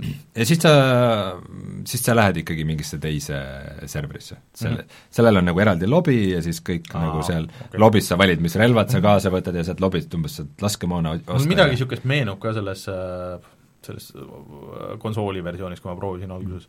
ütle, ühesõnaga, see struktuur ei ole päris, päris nii lollakas kui GTA viies mm, -hmm. see missioonid on huvitavamad kui GTA viies, noh, see maailm meeldib mulle märksa rohkem kui GTA viis, äh, aga, aga mingid, paraku mingid GTA viie nõmedused ikkagi on mm jälle üle toodud okay aga üldjoontes ma pean ütlema, et äh, seda Red Dead Online'i ma olen ikkagi nautinud palju-palju rohkem, kui ma okay. aga mis sa siis arvad, kas läheb sinna meie värskesse kulda ka või? ma ei tea, mul on imelik panna, et see on nagu mäng, millest me eelmine aasta juba nii palju no jaa, aga see on ikkagi, ma arvan, et on põhjust nagu, et ma arvan, et on inimesi, kes vaatavad seda poes, et see on no virtuaalses poes, et see on nagu näpus või hiir nagu hõljub seal peal, et kas, et mul on enam-vähem arvuti, mis on vist üks tingimus, et see vist mingil vanemal masinal väga ei taha ju no ta ei tundnud ka väga ulmet. ei olnud et, et aga et kas see on ikkagi nagu seda väärt, siis kuidas sulle nagu praegu tundub? Ei no kindlasti on, aga mina teda värskesse kulda ei okay. paneks, see on jälle noh, põhimõtteliselt no. äh, protseduurilised küsimused, mis, mis on meie endi jaoks segased, on ju. aga mina, mina lihtsalt tunnen, et kuna me juba eelmine aasta panime ta oli mul eelmine aasta number kolm mäng mm -hmm. topis, et äh, et ta on, ta on sama see hea mäng, mida me oleme juba soovitanud ja nüüd ta on ka võimalik teda PC peal mängida ja ma julgen seda porti soovitada, et üldjoontes ikkagi toimib täiesti okeilt. ja ta on jätkuvalt hea mäng, aga värskesse kulda ma mhm, teda okay. ei paneks, minu, minu meelest ta nii värske ei ole. okei okay aga ma räägin oma värske siis kõige suurema reliisi, sest et ma, see tuli minu jaoks üllatusena, et just siin enne, kui saadet alustasime, et et Pokemon Sword and Shield siis, mis on uus äh, pealiini Pokemon, mis on ainult Switch'ile väljas, on müünud nädalaga praeguseks äh, kuus miljonit koopiat, mis on ikka päris palju. et äh, minu taustas Pokemoniga on see, et see on minu esimene põhiliini Pokemon, et siin on ilmunud see Pokemon Go muidugi, mis on telefonidel, on ju, ja seda ma mängisin ka veits ja siis oli see Pokemon Let's Go Eevee ja Pikachu, et see oli niisugune nagu, nagu vahepealne, on ju, et see nüüd on siis esimest, esimene niisugune päris Pokemon, mida ma nagu siis päriselt nagu mängin. ma olen mänginud mingi neli-viis tundi ja nüüd ma lõpuks olen siis jõudnud sinnamaani, kus see mäng nagu päriselt pihta hakkab, sest et siiamaani on olnud ikka nagu mega aeglane see kõik värk. Mida sa nüüd siis teed põhistruktuur on see, esiteks sul on kaks mängu. Äh, mõlemas mängus on äh, sul eelmistes versioonides muidu oli ka, kõigist on olnud kaks versiooni, aga siis sul on need starter Pokemonid on erinevad, sulle alguses antakse valik, sul on peategelane, siis kellele sa saad oma nime panna, on ju, ja siis tal on naabripoiss, et kes, kelle vend on kõige parem Pokemoni treener üldse maailmas või võistleja, on ju, ja siis ta, vend tahab ka saada niisuguseks ja siis ta on naaber ja siis kuule, lähme nüüd teeme ja hakkame Pokemoniga võistlema ja värki, ja siis ta vend tuleb äh, suurest linnast tagasi ja siis toob teile mõlemale Pokemonid ja siis, äh, sa saad valida, et millist sa tahad. mina valisin oma starteriks niisuguse äh, jänese, kes, kellel on siis tulevõimed ja nii edasi, et kellel on, mul on üsna, üsna tavaline Jannes siis? Nojah, jah. ja kellel on Shield, siis on nagu sama, aga veits nagu teised statsid ja tegelikult on mingi paarkümmend Pokemoni, mis on erinevad, ja siis on veel mingisuguseid väikseid erinevusi siin, et erinevad bossid, kellega sa võitled siis nendes ja siis neid Pokemone sa saad vahetada siis omavahel vist ka nagu, et mingid niisugused asjad siis põhimõtteliselt hakkabki nagu pihta, et sul on äh, avatud maailm suht-koht ähm, ja kus on, kui sa paned selle online'i ka, et siis sa mingi hetk jõuad nüüd lõpuks siin mingi nelja tunni jooksul, eks, äh, jõuad sinna Wildlandsi, kus on ka tavamängijad kogu aeg nagu mängus sees et sa lähed mingisugusele alale, siis seal on äkki, järsku on mingi hull möll käib ja mingi tuhat mingit erinevat mängijat ja mingit asja, et siis sa võid kas võistelda nagu nendega või siis on äh, mingisugused beaconid seal, kus on äh, suured Pokemon, Pokemon, kuhu sa võid kutsuda teisi mängijaid nagu kaasa, on ju, kus on mingid megasuured, et see on nüüd uus, et need Pokemonid saavad leveleid, on ju, ja siis nad evolve ivad, neist tulevad mingid teised Pokemonid äh,, ja siis sa saad oma Pokemoni ka lõpuks nagu niisuguseks suureks teha, mis on nagu uus selles mängus. Äh,, ühesõnaga, siis sa võistled koos teiste mängijatega, kui sa ei taha teiste mängijatega koos, siis sul pannakse mingid NPC-d nagu sinna ja siis äh, üritad maha võtta neid haruldasi Pokemone, on ju.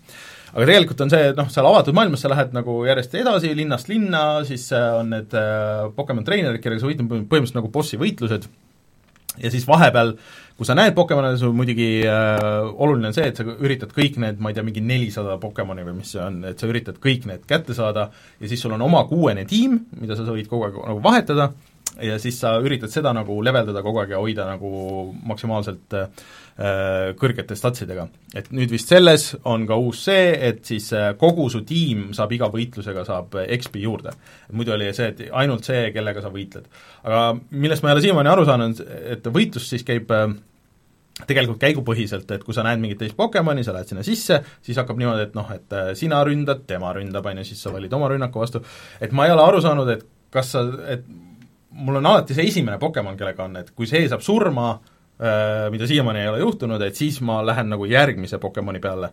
et äh, kas ma saan neid kuidagi nagu vahetada, et kui mul äh, vastasene võib olla mingi tuletüüp, et siis mul oleks vaja umbes seda veetüüpi, on ju, et ma olen üritanud seda tiimi nagu hoida, et mul on tuletüüp ja veetüüp ja siis jää või puu või noh, nagu midagi niisugust, nagu et mul on see mingisugune tiim et ma saan aru, et kuskilt nüüd läheb see mäng nagu käima, et äh, siiamaani olen nagu natuke pigem nagu pettunud olnud selles tempos või nagu, et, et mind see alguses kohe nagu ei tõmmanud ja see, ta näeb nagu kohati hea välja, kohati näeb nagu mitte nii väga hea ja need Pokemonide animatsioonid ja need võitluste animatsioonid on ka nagu, et et nagu on ja ei ole ka see muss on nagu pigem halb ja see story on ka nagu pigem niisugune, niisugune nõrk, et, et ma nagu ootan, et millal see asi nagu nüüd käima läheb. nii, ma vaatan, tõin korra Metacriticu lahti, vaatan mm., et seal nagu arvustuste skoor on kaheksakümmend kaks ja ja inimeste ko-, skoor kolmkümmend kuus ja kõik kolmkümmend kuus või? jah, ütleme ikka, et, sa ei tea siis et mõlemad sama... versioonid on ei. nagu üsna samad, öeldakse, et äh, erinevused muidu vist on olnud suuremad, aga inimesed on lihtsalt väga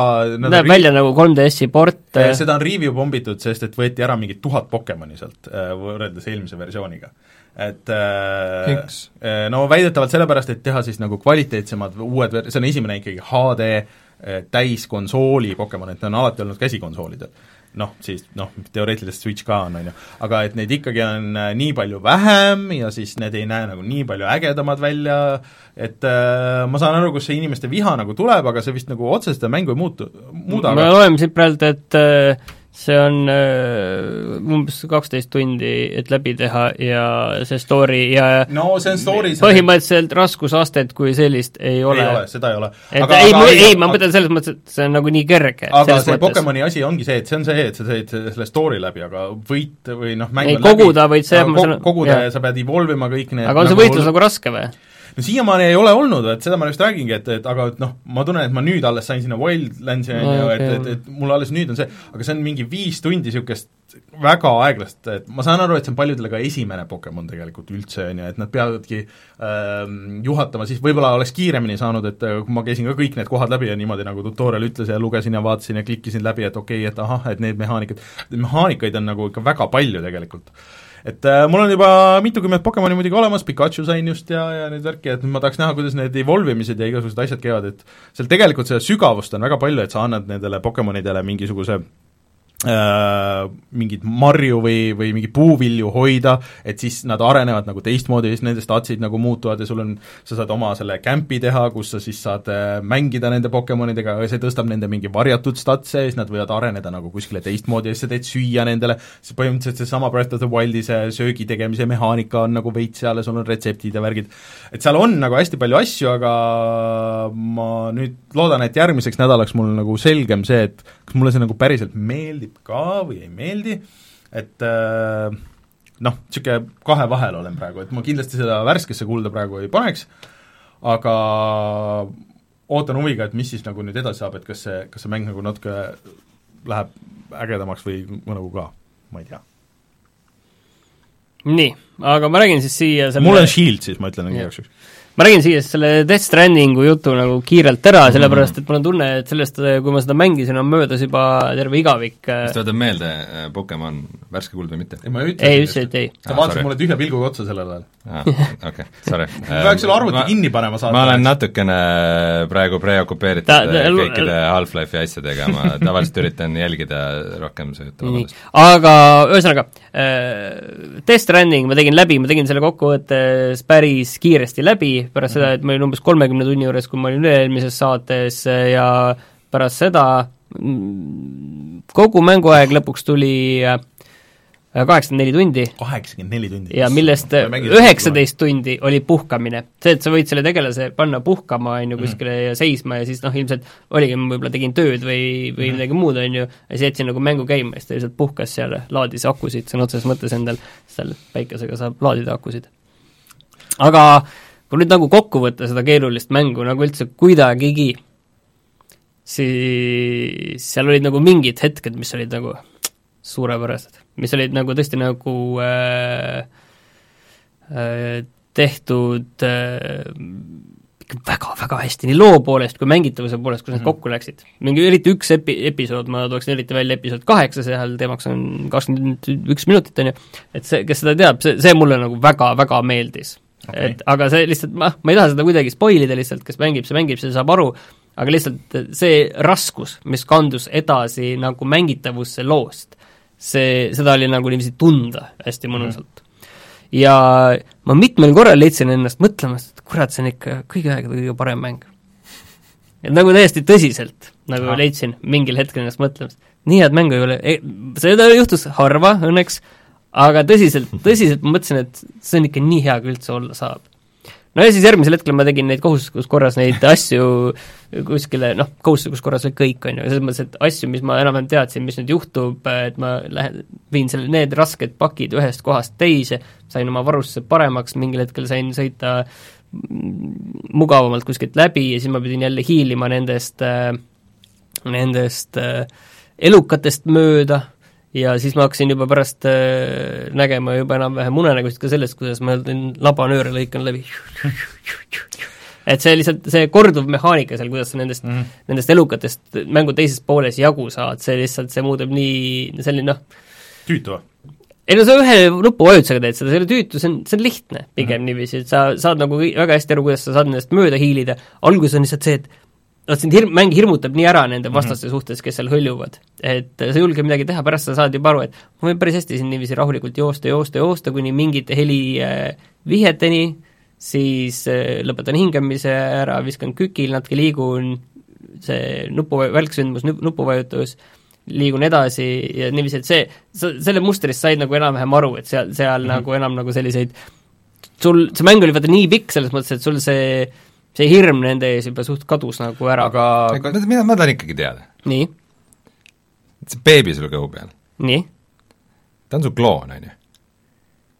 ei, ma ei lähe nagu detailidesse nendes, aga kui sa päris, päris täpselt tahad aru saada, siis äh, mäng, ma, ma lõpuni ei olnud nagu sada protsenti kindel, et äh, mis värk selle beebiga oli, et ma vist, vist nagu sain aru, aga ma ei olnud ka päris kindel, kas ma lõpuni sellest aru sain, kui muidu nagu tegelikult üldiselt, et kellel jääb tunne, et see mäng on selline hästi palju müsteeriumit ja asja, sa tegelikult lõpus enam-vähem kõik seletab sulle lahti nagu, et ei jäta selliseid lahtisi otsi nagu just liiga palju, et seal mõned asjad on niiviisi natukene aga ma saan aru, mõned, mõned on kurtnud, et ta seletab nagu liiga palju ära ja see tundub nagu liiga võib-olla vot siin on see asi, et mõni eeldab, et Kojima jätab eh, niiviisi nii palju otsi nagu lahti igale poole, on ju, sa võid ise tõlgendada ja neid mitu õhtut veel mm -hmm. ahju ees eh, küünlavalgel mõtiskleda selle üle, elu mõtte üle ja see see on see üks asi, vaata, esimesest treilist saadik, sul on maailm kus sajab vihma mm, -hmm. mis teeb, mis teeb inimesed vanaks mm. -hmm. ja sul on kõhu peal beebi. nii? see on nagu obvious, et see on sinu nagu second life, et see on, sul on sinu enda kloon ja kui sajab vihma, sa ise muutud nii vanaks, et äh, sa sured vanadusse ära ja siis beebi kõhu peal on uus sina. on ju loogiline? no on loogiline. väga, väga tubli, väga tubli järeldus ühesõnaga. aga mängus niisugust teemat ei ole? okei. Äh, äh, ütle mulle, kui ta järgmine suvi tuleb arvutile välja, kas me peaks seda mängima? Ma arvan tegelikult, et peaks, mul on tunne, et see on tegelikult selline mäng arvad, mõnes mõttes, mida nagu toimib? Väga hästi. et mul on tunne, et vot see on, et see mäng, mida nagu sina peaks mängima, kes tahab nagu mängudest natuke midagi uut ja teistsugust näha, et need nagu peaksid seda proovima. ma ütlen seda, et mida, et ta on nagu kahte moodi on ta nagu äh,, nagu raske mängida. Et see esimene pool on sõna otseses mõttes väga raske nagu liikuda ja see läheb väga aeglaselt, teine pool läheb kiiresti, aga see on selle võrra selline teistpidi jälle monotoonsem, et sa tead, et äh, see ongi, et sa saad hakkama, sa jõuad sinna kohta välja, on ju. mul oli muidugi väga selliseid äh, hulle kohti, kus ma mängisin kuskil, eriti just mägedes, ennast niiviisi nurka, et ma, mul oli raske nagu sealt üldse kuidagi minema saada. ja mis veel eriti muutus, mis äh, natukene läheb vastuollu sellega, mis mul, mis mu kogemused seal mängu algusest olid, kuidagi millegipärast, kui ma mängisin seda enne reliisi, siis kogu see värk, mis seal nagu maailmas oli teiste poolt tehtud, seda eriti palju ei olnud. võib-olla see, võib-olla see käis kuskil niiviisi, et kui ma jõudsin kuskile episood viide kuskile kaugemale, siis käis krõks ja siis, eh, siis järsku oli mu maailm teisi mängijaid täis. et teisi, teisi mängijaid, kes sinna midagi ehitasid ja tegid, on ju. et ma ei noh, ei näinud nende nii-öelda karaktereid, aga noh, need asjad ilmusid sinna igale poole mulle. siis mingi hetk oli tunne, et terve maailm on neid rämedalt täis kõik kohad olid mingi, mingeid asju, kus keegi oli midagi ehitanud ja teinud ja ma peakski korra selle mängu käima panema, vaatan, palju mulle sinna likee on jäänud. et aga noh, samas selle ehitamise juures muidugi see asi, et need asjad, vaata see vihm hävitab need asjad ära ka, et aja jooksul need äh, murenevad ja degradeeruvad. täpselt, see sõna seal oli, et äh, siis sinna tuleb nagu materjali juurde viia, et need asjad nagu säiliksid, on ju. Mm. aga lõpuks oli nagu, mul oli tunne, et see peaks olema selline kõle ja keeruline maailm, järsku on see, kõik kohad on mingeid asju täis, et mingid, siin, siin on see patareilaadija, siin on see vihmavari suur, siin on keegi teinud endale selle mm, noh, kus sa saad seal all enda selles puhkamas käia, selles private ruumis magamas käia, see on siia tehtud, kellegi masinad vedelevad siin ja seal, et lõpus oli nagu see tunne, et sa peaksid siin niiviisi noh, seal ei ole tunne, et sa pead siin nagu päris üksi olema selles maailmas, aga ikkagi, et sa oled siin selles äh, see võtab nagu selle tunde ära, et see on nagu mingi nii äh, nagu Kule. jah, et selline väga sinu vastu selline kuri ja raske maailm, vaid see võtab natuke seda ära, et sa näed, et oo no., siin kõik saavad hakkama, see küll mingi probleem ei ole. no see just kinnitas minu jaoks, et ma ei peaks seda mängima praegu PlayStationi peal, vaid just ootama ära, kui arvuti peal on kõik see maailm on uus ja värske ja veel ei ole kõik Võibolla... seenekad täis ehitatud. ma arvan, et see niikuinii ei, aga see tuleb suhteliselt ruttu ilmselt jah, et oleneb, kuidas neid kokku pannakse, et mul mm. muidugi oli see, et mängu algus nagu osas ma tükk aega ei käinud, on ju, siis ma seal noh, sa pead nagu esimest korda, kui hakkad teed ehitama, siis teed sinna natuke mingi tee alguse ära ja siis jätad sinna, siis ma tulin kuskil mängu teisest poolest, tulin korra sinna tagasi, vaatasin, vau. kõik, kõik, kõik ja. kohad on teid täis ehitatud. ja chat ütleb, et kas seda, seda mitte tegelikult nagu välja lülitada ei saa. seda teisi mängijaid või? ma ausalt öeldes ei tea, et äh, ma, ma ei saa välistada, et see on, see on võimalik, sa võid lihtsalt ise nagu Mängid ennast, sa võid lihtsalt offline'i minna nii-öelda, et selles mõttes äh, seda sa võid teha ju, et aga, aga lihtsalt see, see minu meelest see on nagu huvitavam, et sa tegelikult näed, et kus nagu inimesed on olnud ja mida on teinud ja sa näed mingit asja ja siis lähed vaatad, miks see seal on või kas keegi on viinud sinna midagi või ei, see, see ei ole väga nagu, see ei tekita nagu liiga palju küsimusi ja siis mm. ma tegin ise ka kuskile, tegin mõned asjad, et lihtsalt et mõned likeid ikka ka saada, ma tean, kui ma läbi tegin mängu, siis mul oli mingi neli tuhat kuussada like'i wow., aga a, ei, see ei ole palju, sest ma olen wow. näinud, ma olen näinud ehitisi, millel on kakssada tuhat like'i, nii et äh, mina sain kõikide asjade peale kokku neli tuhat. päris, päris tead sa neid Instagrami ma nagu jah, jah, nagu seal nagu influencer ma siiski kahjuks ei, ei olnud seal, kuigi ma olin lõpuks mingi level sada seitsekümmend, kas ma ei mäleta, kas see oli eliittransporter või midagi, ma tegin jupi nagu igasugu kõrvalasju ka veel natuke pärast ära, aga see on kindlasti nagu mäng, mida on raske soovitada nagu ütleme, keskmisele mängurile.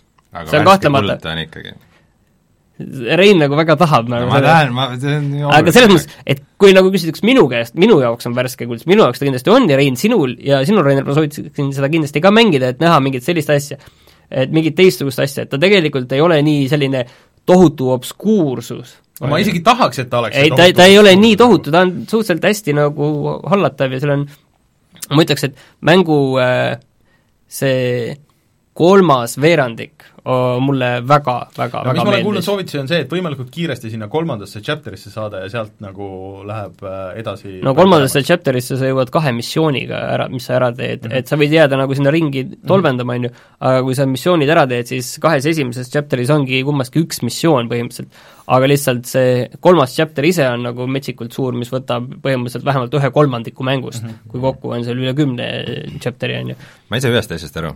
nii äh, kuidas nad, kuidas selle mängu nii kiiresti tegid? ei tea jah, selles mõttes, et kui, kui ta on nagu nii suur ja nii paljudest asjadest koosnev ja pluss ma arvan, et Kojima on kindlasti niisugune tüüp, kes tahab kõike timmida ja üle teha ja selle viimistleda ja mis iganes, siis põhimõtteliselt sellest äh, Metal Gearist on ju kaks aastat ainult. ole nüüd!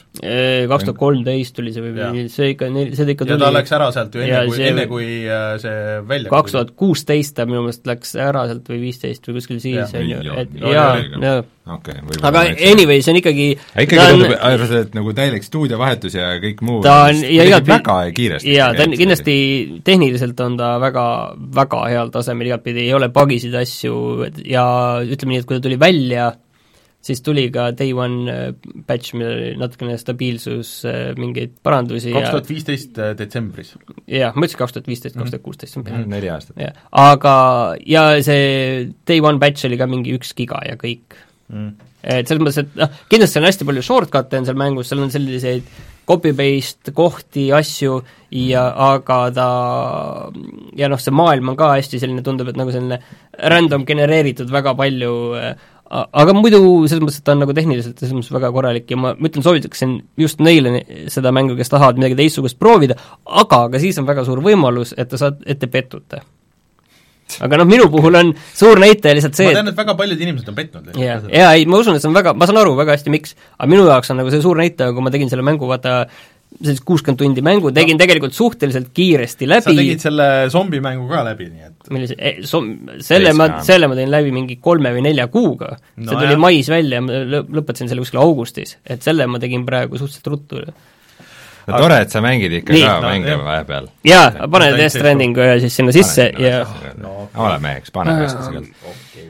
aga kell on saanud juba siin päris palju, aga siiski mul on vaja veel ühest mängust rääkida vaene VR-mäng jääb viimaseks ja peab, äh, peab kiiresti kokku võetama. tegu on siis Stormlandiga, mis on äh, Oculus Home'i eksklusiiv, mis tähendab, et seda ametlikult saab mängida ainult äh, siis äh, Oculus Rifti peaseadmetega äh, ja mille on teinud siis Insomniac, kes äh,, kelle viimase aja suurimad mängud on näiteks äh, Spider-man mm, -hmm. mis veel äh,? Ega nad väga ei olegi, äh, see Sunsh- äh,, see Sun-, Sunshine, Sunset Overdrive. Sunset Overdrive. Äh, panen Insomniac Games kohe, vaatame, mis siin veel suurem ah, ja siis Ratchet ja Clank muidugi yeah..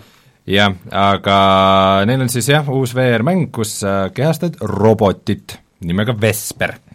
ja sa ärkad üles mingisugusel tulnukaplaneedil, kus sa varem tegid tööd oma teiste sõberrobotitega ja siis äh, see mingid kurjad jõud on käinud kõigest üle, tapnud kõik robotid ära, ja kohe alguses sa näed, et äh, oma peegelpilti ja näed, et sinu kehasse on siis pandud mingisugune taim, mis on sinu külge kasvanud mingisuguse väga müstilise sätendava õiega.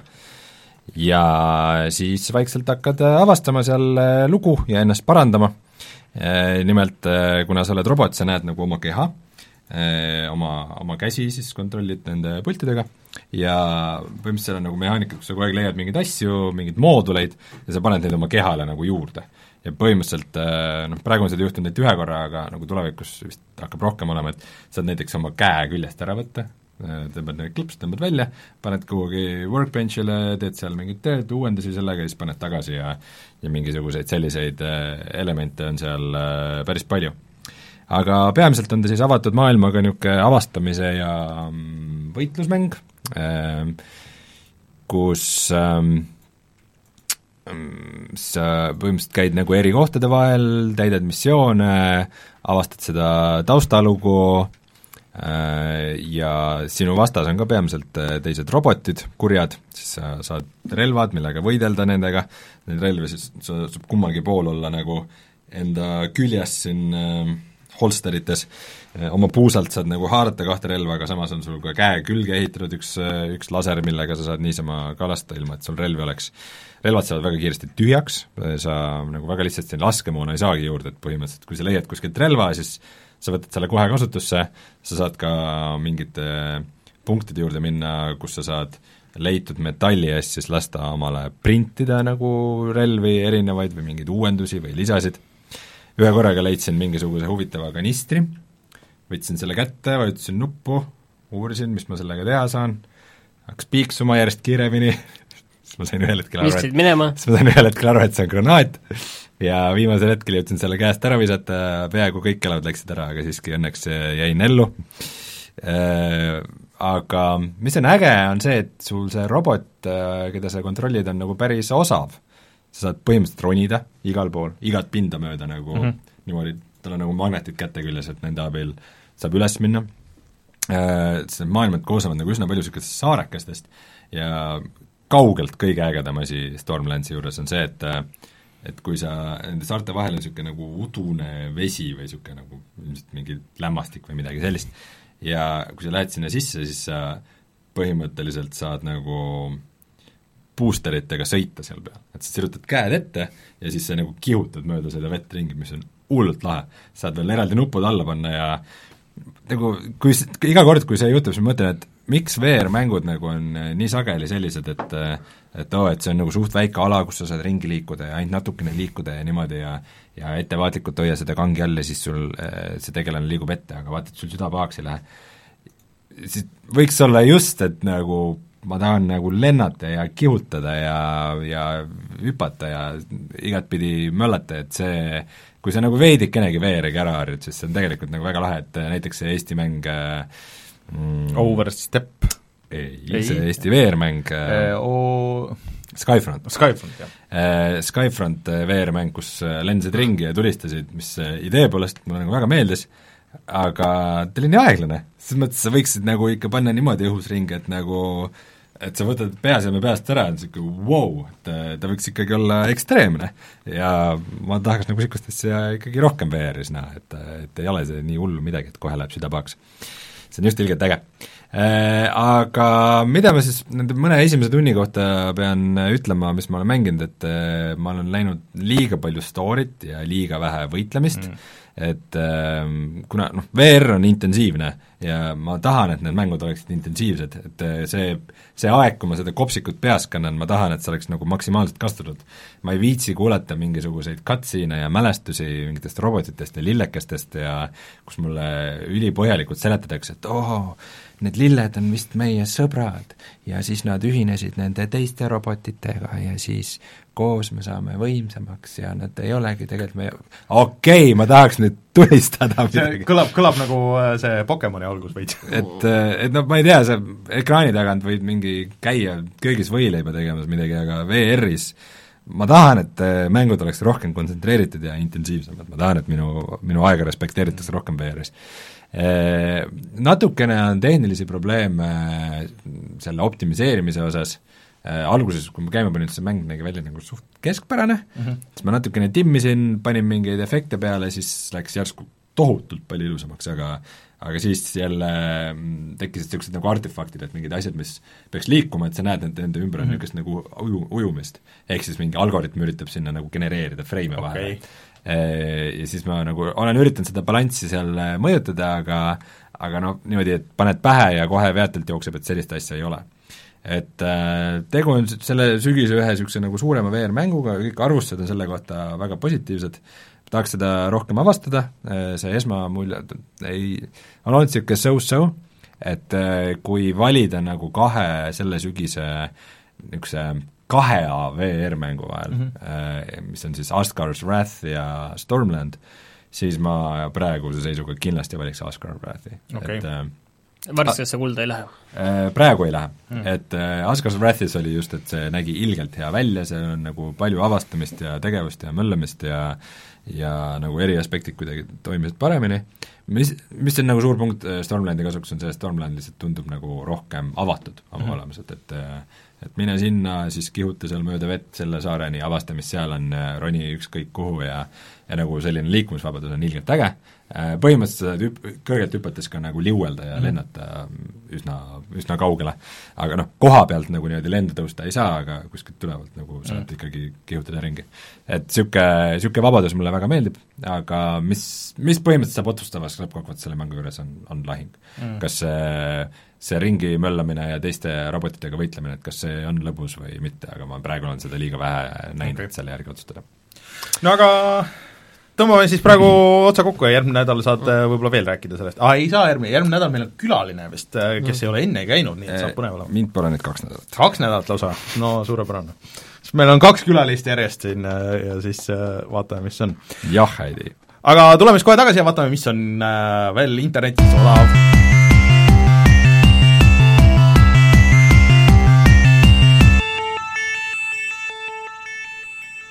nii, vurista no. nüüd ette Äh, tegelikult on äh, hakkamas nüüd selle nädalaga kõik maailma Black Friday äh, diilid ja mm. Nintendo e-poes hakkab juba siis, kui te kuulate reedel, juba hakkas pihta, siis Cyber Deals, mis iganes, mis kestab nädal aega, ma kõiki asju siin ette ei loe, aga näiteks äh, Dragon Ball Fighters äh,, mis oli väga hea mäng ja ma saan aru, et täitsa selle Switchi port oli ka hea äh,, on seitsekümmend protsenti maha ja kõik Mariod ja Zeldad ja asjad äh,, Crypt of the Net-, Necrodancerid, kõik on miinus kolmkümmend protsenti, nii et äh, minge vaadake, ma, ma arvan, et tasub hoida kõikidel poodidel nüüd äh, tuleval nädalal silm peal, sest ma arvan, et neid allahindlusi mm. saab olema igasuguseid mm. -hmm. Uh, Vermintide'il on see nädalavahetus, äh, tasuta nädalavahetus, nii et kes on mõelnud proovida niisugust Left 4 Deadi laadset see on ka Gamepassis. mängu, siis saab või siis Gamepassis äh, ja Epiku poes on tasuta niisugune mäng nagu Bad North ja mul pole aimugi, mis see on uh,. Aga... küll aga äh, nädala pärast on siis Rayman Legends, teie, teie North, suur lemmik. Bad North peaks olema selline selline light strateegia, aga mm. suhteliselt huvitav vist. okei okay aga ma arvan, et siis äh, ongi jutud räägitud, äh, minge vaadake meie YouTube'i kanalisse, kus äh, on Red Dead Online'i video siis ja minge vaadake Luigi's Mansioni videot siis ja järgmine nädal meil on jah, külaline, kes ei ole enne käinud, ma arvan, et tema on teinud Pokemoni juba läbi, ta oskab pikemalt, sügavamalt sinna ja seletada mulle ära, et miks see, ma arvan, et teeme ka video, et miks see äge on või et mida ma, millest ma aru ei saa või mis case nagu on. Äh, ja siis äh, ma ei tea, siin ei ole näha, et mingeid suuremaid asju välja tulemas või uudiseid, nüüd on see rahulik aeg nüüd äh, järgmise aasta alguseni, kus saab läbi teha neid mänge, me peame natuke hakkama mõtlema, et Disco. mida, mida me aasta lõpus teeme üldse ja kuidas me teeme ja millal me teeme ja miks me teeme ja, ja miks me teeme ja, ja siis tõmbame aastale otsa peale, et kindlasti veel ilmub mingi salaja dekaadile. jah, dekaadile aasta peale, põhimõtteliselt küll, jah. Äh, võite mulle vaikselt hakata saatma äh, neid niisuguseid äh, häid mängumuusikalugusid, mida ei ole lasknud veel aasta lõpu musasaates. ja, ja täna palju õnne Donkey Kong Countryle, mis sai kakskümmend viis aastat vanaks. Yes.. CS-GO sai kakskümmend siin mõni nädal tagasi, seda küll ei soovinud enne. Half-Life, tähendab Left 4 Dead vaid CS sai kakskümmend, Half-Life sai viisteist ja Left 4 Dead kaks sai kümme. Mm kusjuures imestan, et nad ei ole Left 4 Deadist teinud, vot see oleks nagu super nagu Left Alex Dead tuleb järgi. no jaa, et niisugune, ei noh, remaster'iks nagu see kas või selle nagu mingi uus versioon. Left 4 Dead kahte, kaks näeb nii hea välja, seda pole vaja remaster'ida. jaa, jaa. okei okay,, aga mina olen Rainer, minuga Rein ja Martin, kohtume siis juba järgmisel nädalal, tšau! tšau, tšau.!